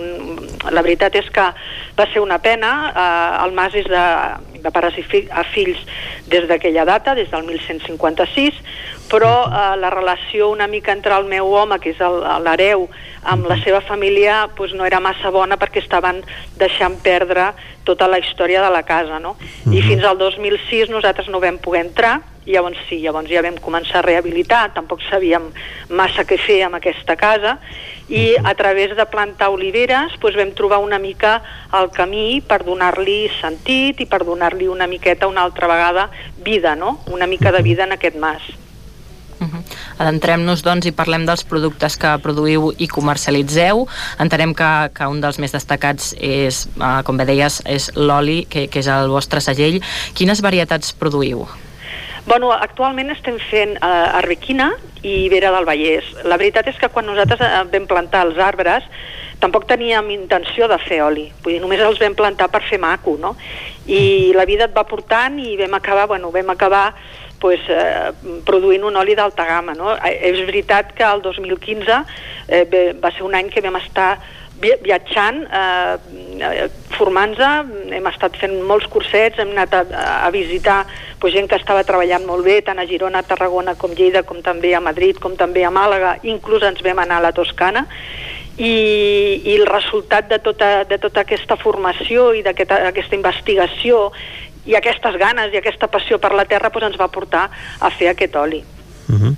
Per tant, veu, veu mm, plantar doncs, oliveres de forma així aleatòria, sense intenció de fer aquest eh, tipus d'oli, perquè és clar cada oli té un gust diferent, no? segons la, la seva La varietat. varietat. i també doncs, la terra, el clima, el lloc on està, sí. on està plantat, com es conrea...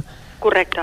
O sigui, hi ha, aviam, si vols fer un oli d'alta gamma hi ha una uh -huh. sèrie de protocols que no pots eh, saltar-te, no? Vull dir, ja d'entrada eh, el més important és tindre una bona oliva, o això, això és primordial, oi que si tu fas un suc uh -huh. de taronges, doncs agafaràs les taronges més bones i més saludables que hi han, doncs l'oliva és exactament igual.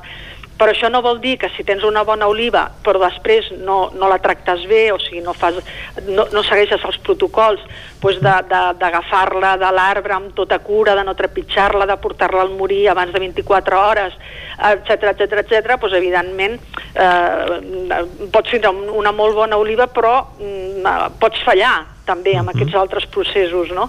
Llavors, és un, és un, és un, nosaltres ho mimem tot, ho mimem molt tot, i això és el que et porta a, a, a aconseguir aquest, aquesta qualitat, no? Vull dir que tu quan oloris l'oli estiguis ole, olent a camp, vull dir, has d'olorar a camp, a herba tallada, a tomaquet, a, a farigola, a, a romaní, vull dir, això és, és, és, és, és, és el, el, el fet de que tens davant de casa o davant de, de les teves mans tens un oli de, de qualitat. Uh -huh. Perquè quines característiques eh, tenen aquests olis pel que fa als trets gustatius?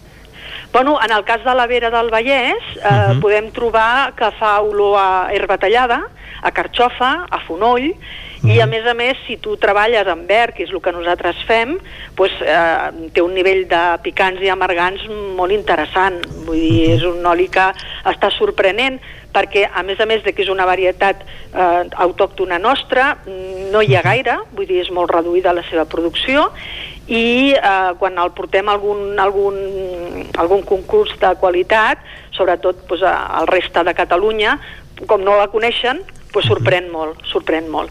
Llavors, clar, són olis que has de saber una miqueta amb què combinar, vull dir, un oli que pica i amarga, té un nivell de picant i amargant intens, nosaltres eh, això amb les olioexperiències que fem ho expliquem, vull dir, no posis aquest tipus d'oli amb una amanida, posa'l amb unes eh, verdures a la brasa, eh, eh, sobretot eh, el, el Vera del Vallès, que té aquest punt d'herba tallada i de carxofa, amb les carxofes, bueno, mariden molt, molt, molt bé.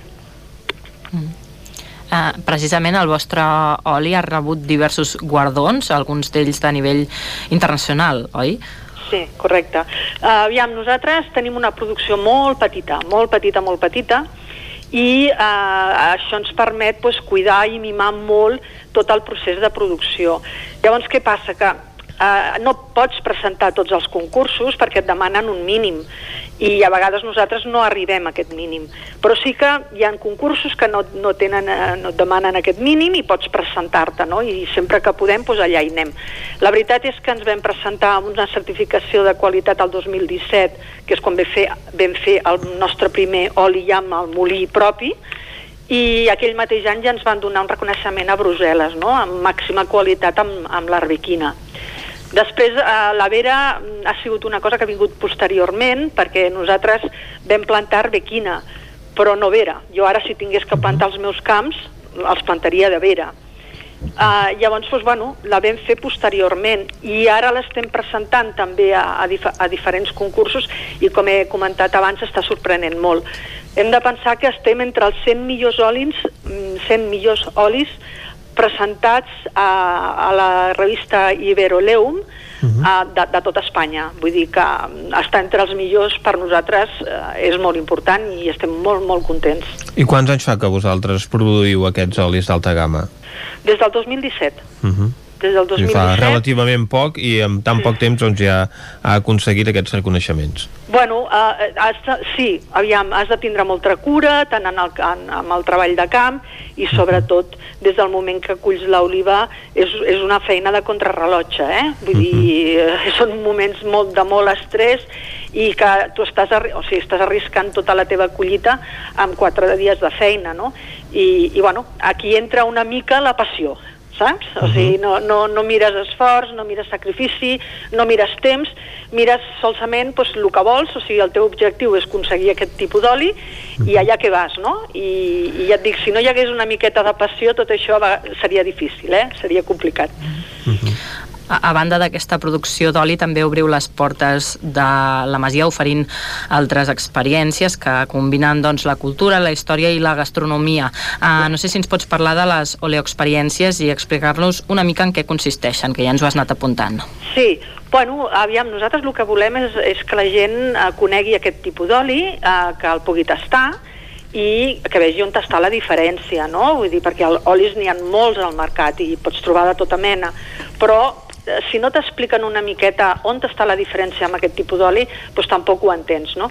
Llavors nosaltres el que hem fet és obrir portes i hem creat uh, una, una primera visita que és Passió per la OBE, on expliquem una miqueta doncs, tots els protocols que nosaltres fem servir per poder arribar a aquest nivell de qualitat i eh, oferim també una degustació. Sempre amb les nostres jornades eh, sempre hi ha una degustació dels olis. Després també oferim el tast, aprendre a tastar un oli. Eh, evidentment, si no tens la, la, la visita Passió per l'OBI, eh, necessites aquesta part teòrica per entendre les coses, es pot fer, però millor si primer es fa l'altra. Eh? Llavors això és, aquesta visita és una visita més tècnica on es posem quatre olis davant de, de la taula, no?, a cada persona, llavors hem de veure les diferències on estan i eh, saber distingir entre un oli verge, verge, un oli verge extra, un oli d'oliva i un premium. Eh? Una miqueta va per aquí. És una experiència molt divertida, Uh, nosaltres aquesta experiència, si no és per menys de quatre persones, no la fem, perquè el més divertit és, és, és pues, bueno, fer-ho en grup, perquè un, un diu una cosa, l'altre diu una altra, i és, és molt divertit. I després també oferim la, la, la, el que és la visita històrica eh, de, de la Masia i fem tot un recorregut per, per la Masia. Vull dir, nosaltres tot la, tota la documentació que hem trobat eh, ha sigut una feina llarga de, de llegir documents antics i crear tota una, una visita amb tota la documentació que hem, que hem arribat a, a recopilar. I a part d'això doncs, tenim visites on, on bueno, hi ha el PAC turístic, que fins ara nosaltres hem estat treballant molt per, per, per client americà, i eh, bueno, la pandèmia, com a tothom, ens ha afectat molt. Sembla que ara s'està començant a moure una mica. I llavors en aquestes visites eh, ho fem tot en un dia. Eh? So, eh, oferim el fet de, de fer totes les visites en un dia i a més a més quedar-se a dinar. O sigui, també nosaltres no som un restaurant, però sí que fem una, una, un menú una miqueta degustació dels nostres olis. Mm -hmm. Doncs, eh, Rosa Maria Pérez, esperem que es normalitzi la situació, que podeu rebre també els vostres visitants habituals a la masia de Can Viver, una masia que data del 1156, que té molta història al darrere i avui n'hem explicat una miqueta eh, amb aquesta producció d'oli de vera. Moltes gràcies per acompanyar-nos. Molt agraïda a vosaltres. Nosaltres eh, tanquem la foc lent d'avui aquí i anem ara a repassar actes que podrem viure aquest cap de setmana. Territori 17 Doncs, com bé dius, Vicenç, quan queden una dotzena de minuts per les 12, el que fem és repassar què podem fer aquest cap de setmana i arrenquem anant al Ripollès avui, oi? Doncs sí, anem a la veu de Sant Joan de nou, allà ens espera l'Isaac Muntades. Bon dia, Isaac. Bon dia, Vicenç, bon dia, Jordi. Bon dia, bon dia. Què podem fer aquest cap de setmana al Ripollès? Doncs si la pluja no ho impedeix, eh, com cada 1 de maig, aquest dissabte, com ja és tradició, se celebra a Can Davant la festa de la Pobilla de la Sardana, que enguany és la 51a edició després que l'any passat no es pogués eh, celebrar i es farà com ja és habitual a la plaça de la dansa dos quarts de sis de la tarda, on es proclamarà la Pobilla i també aquest any eh, es farà un concert de sardanes amb la copla la principal d'Olot perquè, com sabeu, doncs no, no es poden ballar sardanes i s'ha optat per aquest format. Uh, en aquest cas, des de l'organització de sardanista, de la secció sardanista del grup excursionista Can de Bànol, han convidat uh, a tots els nens i nenes a, a venir vestits amb el vestit de catalanet tradicional i s'hauran de complir totes les mesures sanitàries corresponents. Com que la previsió per demà aquí Can de Bànol no acaba de pintar massa bé, en cas de mal temps ja han dit que la festa se celebraria a la plaça coberta uh, del barri de l'estació. I d- d'altra banda, aquest cap de setmana, l'altra activitat que tenim és a Planoles, que se celebra el mercat d'olis i vins, i també es farà una activitat que es diu segon canvi d'armari i mercat de les flors, que això està organitzat per l'Associació de Dones, això es farà a les 11 a la plaça 1 d'octubre, aquest dissabte també, Mhm. i després l'última activitat que hi havia prevista, aquesta eh, us hem de comunicar que s'ha suspès, hi havia la 31a Caminada Popular de, de Sant Joan de les Abadeses edició Covid, eh, que s'havia de fer eh, tant demà com demà passat i la Unió Excursionista Sant Joan de les Abadeses ha decidit ajornar-la fins a una nova data perquè com que es preveu eh, pluja doncs eh, han decidit que, que no es faci, que es faci més endavant quan faci més bon temps. Uh -huh. Molt bé, doncs esperem que arribi més endavant el bon temps. Moltes gràcies, Isaac. A vosaltres. Anem nosaltres ara del Ripollès al Vallès Oriental i a Ràdio Cardedeu ens espera l'Òscar Muñoz. Òscar, bon dia. Bon dia de nou. Quines activitats tenim? Doncs, doncs molt poca cosa hem trobat per aquí aquest cap de setmana, Mhm. marcat per al Dia del Treballador i principi de mes, però avui, per exemple, doncs podem fer un, un tom per Granollers al Mercat d'Artesans durant tot el dia a la plaça de la Corona. Uh -huh. Demà aquí a Cardedeu tenim el Mercat de Pagès, al centre del poble, a la carretera de Cànoves, i serà fins al migdia. I també, doncs, demà, dia 1, com hem dit abans, podem trobar el mercat setmanal de, eh, dels dissabtes amb els pagesos i productors ecològics del territori eh, a la plaça de la Corona. Uh -huh. Començarà a les 9 del matí. Uh -huh. I com comentàvem, un cap de setmana molt quiet al que fa eh, agenda d'ocis i fires. Uh -huh. Molt bé, doncs eh, gràcies, Òscar. Vosaltres. Anem ara a parlar de nou amb la Caral Campàs, és d'Ona Codinenca. Caralt. Hola, doncs mira, us explico. Aquí també hi ha poca coseta, però a, a Riells tenim fira de proximitat amb artesania i, i productes doncs, locals i comarcals. Això serà a la plaça de Riells diumenge de 10 a 2 i uh, us comento també que al Moianès, concretament a Monistrol de Calders, uh, s'inaugura aquest dissabte 1 de maig el nou espai d'art Cal, Cal Ros. Uh, Això està, aquest local està situat al carrer de la Vinya, número 15, de la població moianesa de Monistrol de Calders i, i obrirà per primera vegada les portes aquest dissabte a les 7 de la tarda. Comentar-vos doncs, eh, que Cal Ros havia sigut una botiga, eh, un taller també de motocicletes i fins i tot havia arribat a ser un criador de tortugues autòctones. Perdó? Però, Criador de tortugues autòctones, això? Sí, sí, sí, sí. Carai. I, però ara es convertirà en un espai d'art eh, amb exposicions temporals i d'aquesta manera, doncs, cada divendres a la tarda, dissabte tot el dia i diumenge al Mhm. matí, el local estarà obert al públic que eh, concreti visita i aquest espai doncs, ara eh, tindrà les pintures de Xema Rico, eh, l'art urbà de Col·lectiva, el grup Col·lectiva al juny, eh, eh, les pintures de Xema Rico seran, seran durant tot aquest mes de maig, eh, aquest art urbà de, del grup Col·lectiva serà al juny i la pintura de Ramon Furriol al juliol, eh, també les aquarel·les de Francesc Palomes a l'agost i finalment les eh, pintures de Nayat Kite durant el setembre, doncs ja tenim tota aquesta programació per aquest nou espai d'art que s'inaugurarà a Monistrol de Calders aquest dia 1. Doncs celebrem aquesta inauguració i esperem que no hagin desaparegut les tortugues autòctones. Moltes gràcies, Caral. A vosaltres. Ara nosaltres anem a parlar amb en Miquel R perquè ens expliqui què és el que podem fer a la comarca d'Osona aquests dies, aquest cap de setmana marcat per la, celebra la celebració de l'1 de maig Sant Segimon, Miquel. Molt bones, doncs sí, i també eh, marcat per, per un temps que sembla que no acompanya en aquest no. primer cap Sí, de setmana ni, acompanya, d'obertura. ni acompanyarà, eh? ja ens ho ha alertat en Pep Acosta. Eh? La impressió és que no, no per tant, dissabte. els actes a l'aire lliure, ara en parlarem. Eh, ho deia també la Caral, jo també porto poqueta coseta, s'anirà animant, eh? per això aquest mes de maig eh, m'hi comprometo. Però eh, sí que porto un Si parell no, de hauràs propostes... d'organitzar-ho tu mateix. Correcte. Un parell de propostes singulars.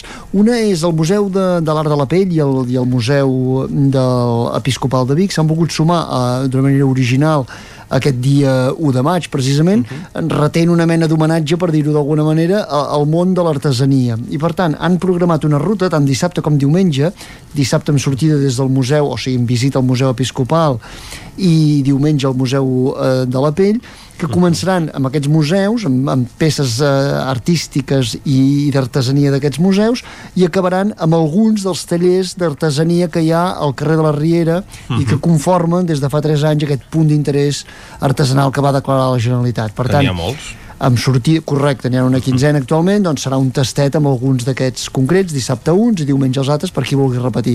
Són visites com passa aquests dies, amb aforament limitat, reserva prèvia, amb sortida a les 11 al matí i, per tant, sortides que surten una mica de la normalitat. Hi ha una cita, ara, ara ho dèieu, eh, amb el mal temps, creuem els dits, per diumenge, a dissabte que dèiem a la tarda, a les 5 de la tarda, hi ha una ballada, una mostra de balls, perquè no pot haver-hi cercavila encara aquests dies, Mhm. amb els gegants pubills de Vic. El, què passa amb els gegants pubills de Vic, que són en Llucià i la Mercè, que fan 10 anys. Mhm. Ara fa exactament l'abril d'això, de fa 10 anys, van, es, es van estrenar, és una parella que van crear i van impulsar des de la colla gegantera del carrer de la Riera, però que han esdevingut Mhm. aquest, diguéssim, que han agafat aquest, aquest doble paper també de- d'exercir com a gegants pubills quan hi ha eh, el seguici solemne, per exemple, de la festa major. Això és dissabte a les 5 de la tarda, en aquest cas no hi ha pla B, perquè costaria tot plegat eh, buscar un lloc cobert i El també per, la, per les condicions En cas de pluja. Per, per, en, per en cas de pluja, en aquest cas s'anul·larà. També hem dit eh, últimament que, que hi ha diverses propostes d'aquestes de rutes també guiades Mhm. a, a la natura, no? Veurem el temps que fa diumenge, eh? és un dia que sembla que s'han d'anar obrint clarianes i us porto, per exemple, una proposta. De les diverses que hi ha, us en porto una que és una ruta que proposa mm, des del Parc del Castell de Montesquieu, que també tenen propostes pràcticament setmanals, en aquest cas eh, practicant la marxa nòrdica i és per anar de Sora al castell de Buixader diumenge al matí amb unes vistes espectaculars a tot el Bisaure. Mhm. Per tant, eh, també he de parlar si voleu, perquè cada setmana també n'hi ha alguna, d'algun ajornament. En aquest cas, eh, tocava el dia 1 un clàssic a la plec del Turó de Puigdegordi, Mhm. suspès. Exacte. Eh, és aquest eh, que s'organitza des de Centelles, però que un cop al Turó eh, trepitgem ja territori de, de Balanyà. I... Aquests dies n'hem parlat del Puigdegordi perquè doncs, és el punt del eh, sud d'Osona on més ha plogut eh, aquests últims dies. I, i I permeteu-me... el Per... plec, efectivament, no es farà Correcte. aquesta, aquesta pleca tradicional eh, del Turó del Puigdegordi de cada 1 de maig com el, el de Sant Segimon també, no? Que també és en aquesta que també és en aquestes dates. Uh Mhm. -huh. Ara mateix hem sabut també, si voleu ja us ho anuncio, que el Festival Una Tona de Màgia, Festival Internacional Una Tona de Màgia, uh -huh. que s'havia de celebrar la sisena edició, no se celebrarà, també tocava aquest mes de maig. Uh -huh. uh, L'any passat ja el van ajornar, s'havia de fer el maig, Sí. es va fer l'octubre, el van salvar pels pèls, en aquest cas uh, no ja aquest any ja no se celebrarà, i ho emplacen en tot cas, veurem què passa amb aquest festival, ho emplacen a l'any que ve. Per tant, un dels festivals també que tenia, diguéssim, um, pedigrí per, per la seva singularitat, de moment aquest any s'ajorna. És a dir, aquest La- any que quedi clar que no se celebra ni de forma ajornada com es va fer l'any passat. Correcte, l'any passat van anar esperant, ho van acabar ajornant, van fer un, un, un format una mica especial, amb tots els actes pràcticament també més a fora, amb aforaments controlats. Aquest any ja no es busca pla B, de moment s'ajorna, Uh, veurem, veurem. també va haver-hi un canvi d'equip de govern eh, s'ha de veure si el nou equip de govern creu en aquesta fórmula uh, s'ajorna o si A veure simplement desapareix no? veurem què passa El 2022 amb una tona de màgia. Doncs, Miquel, moltes gràcies per aquest repàs d'activitats al cap de setmana.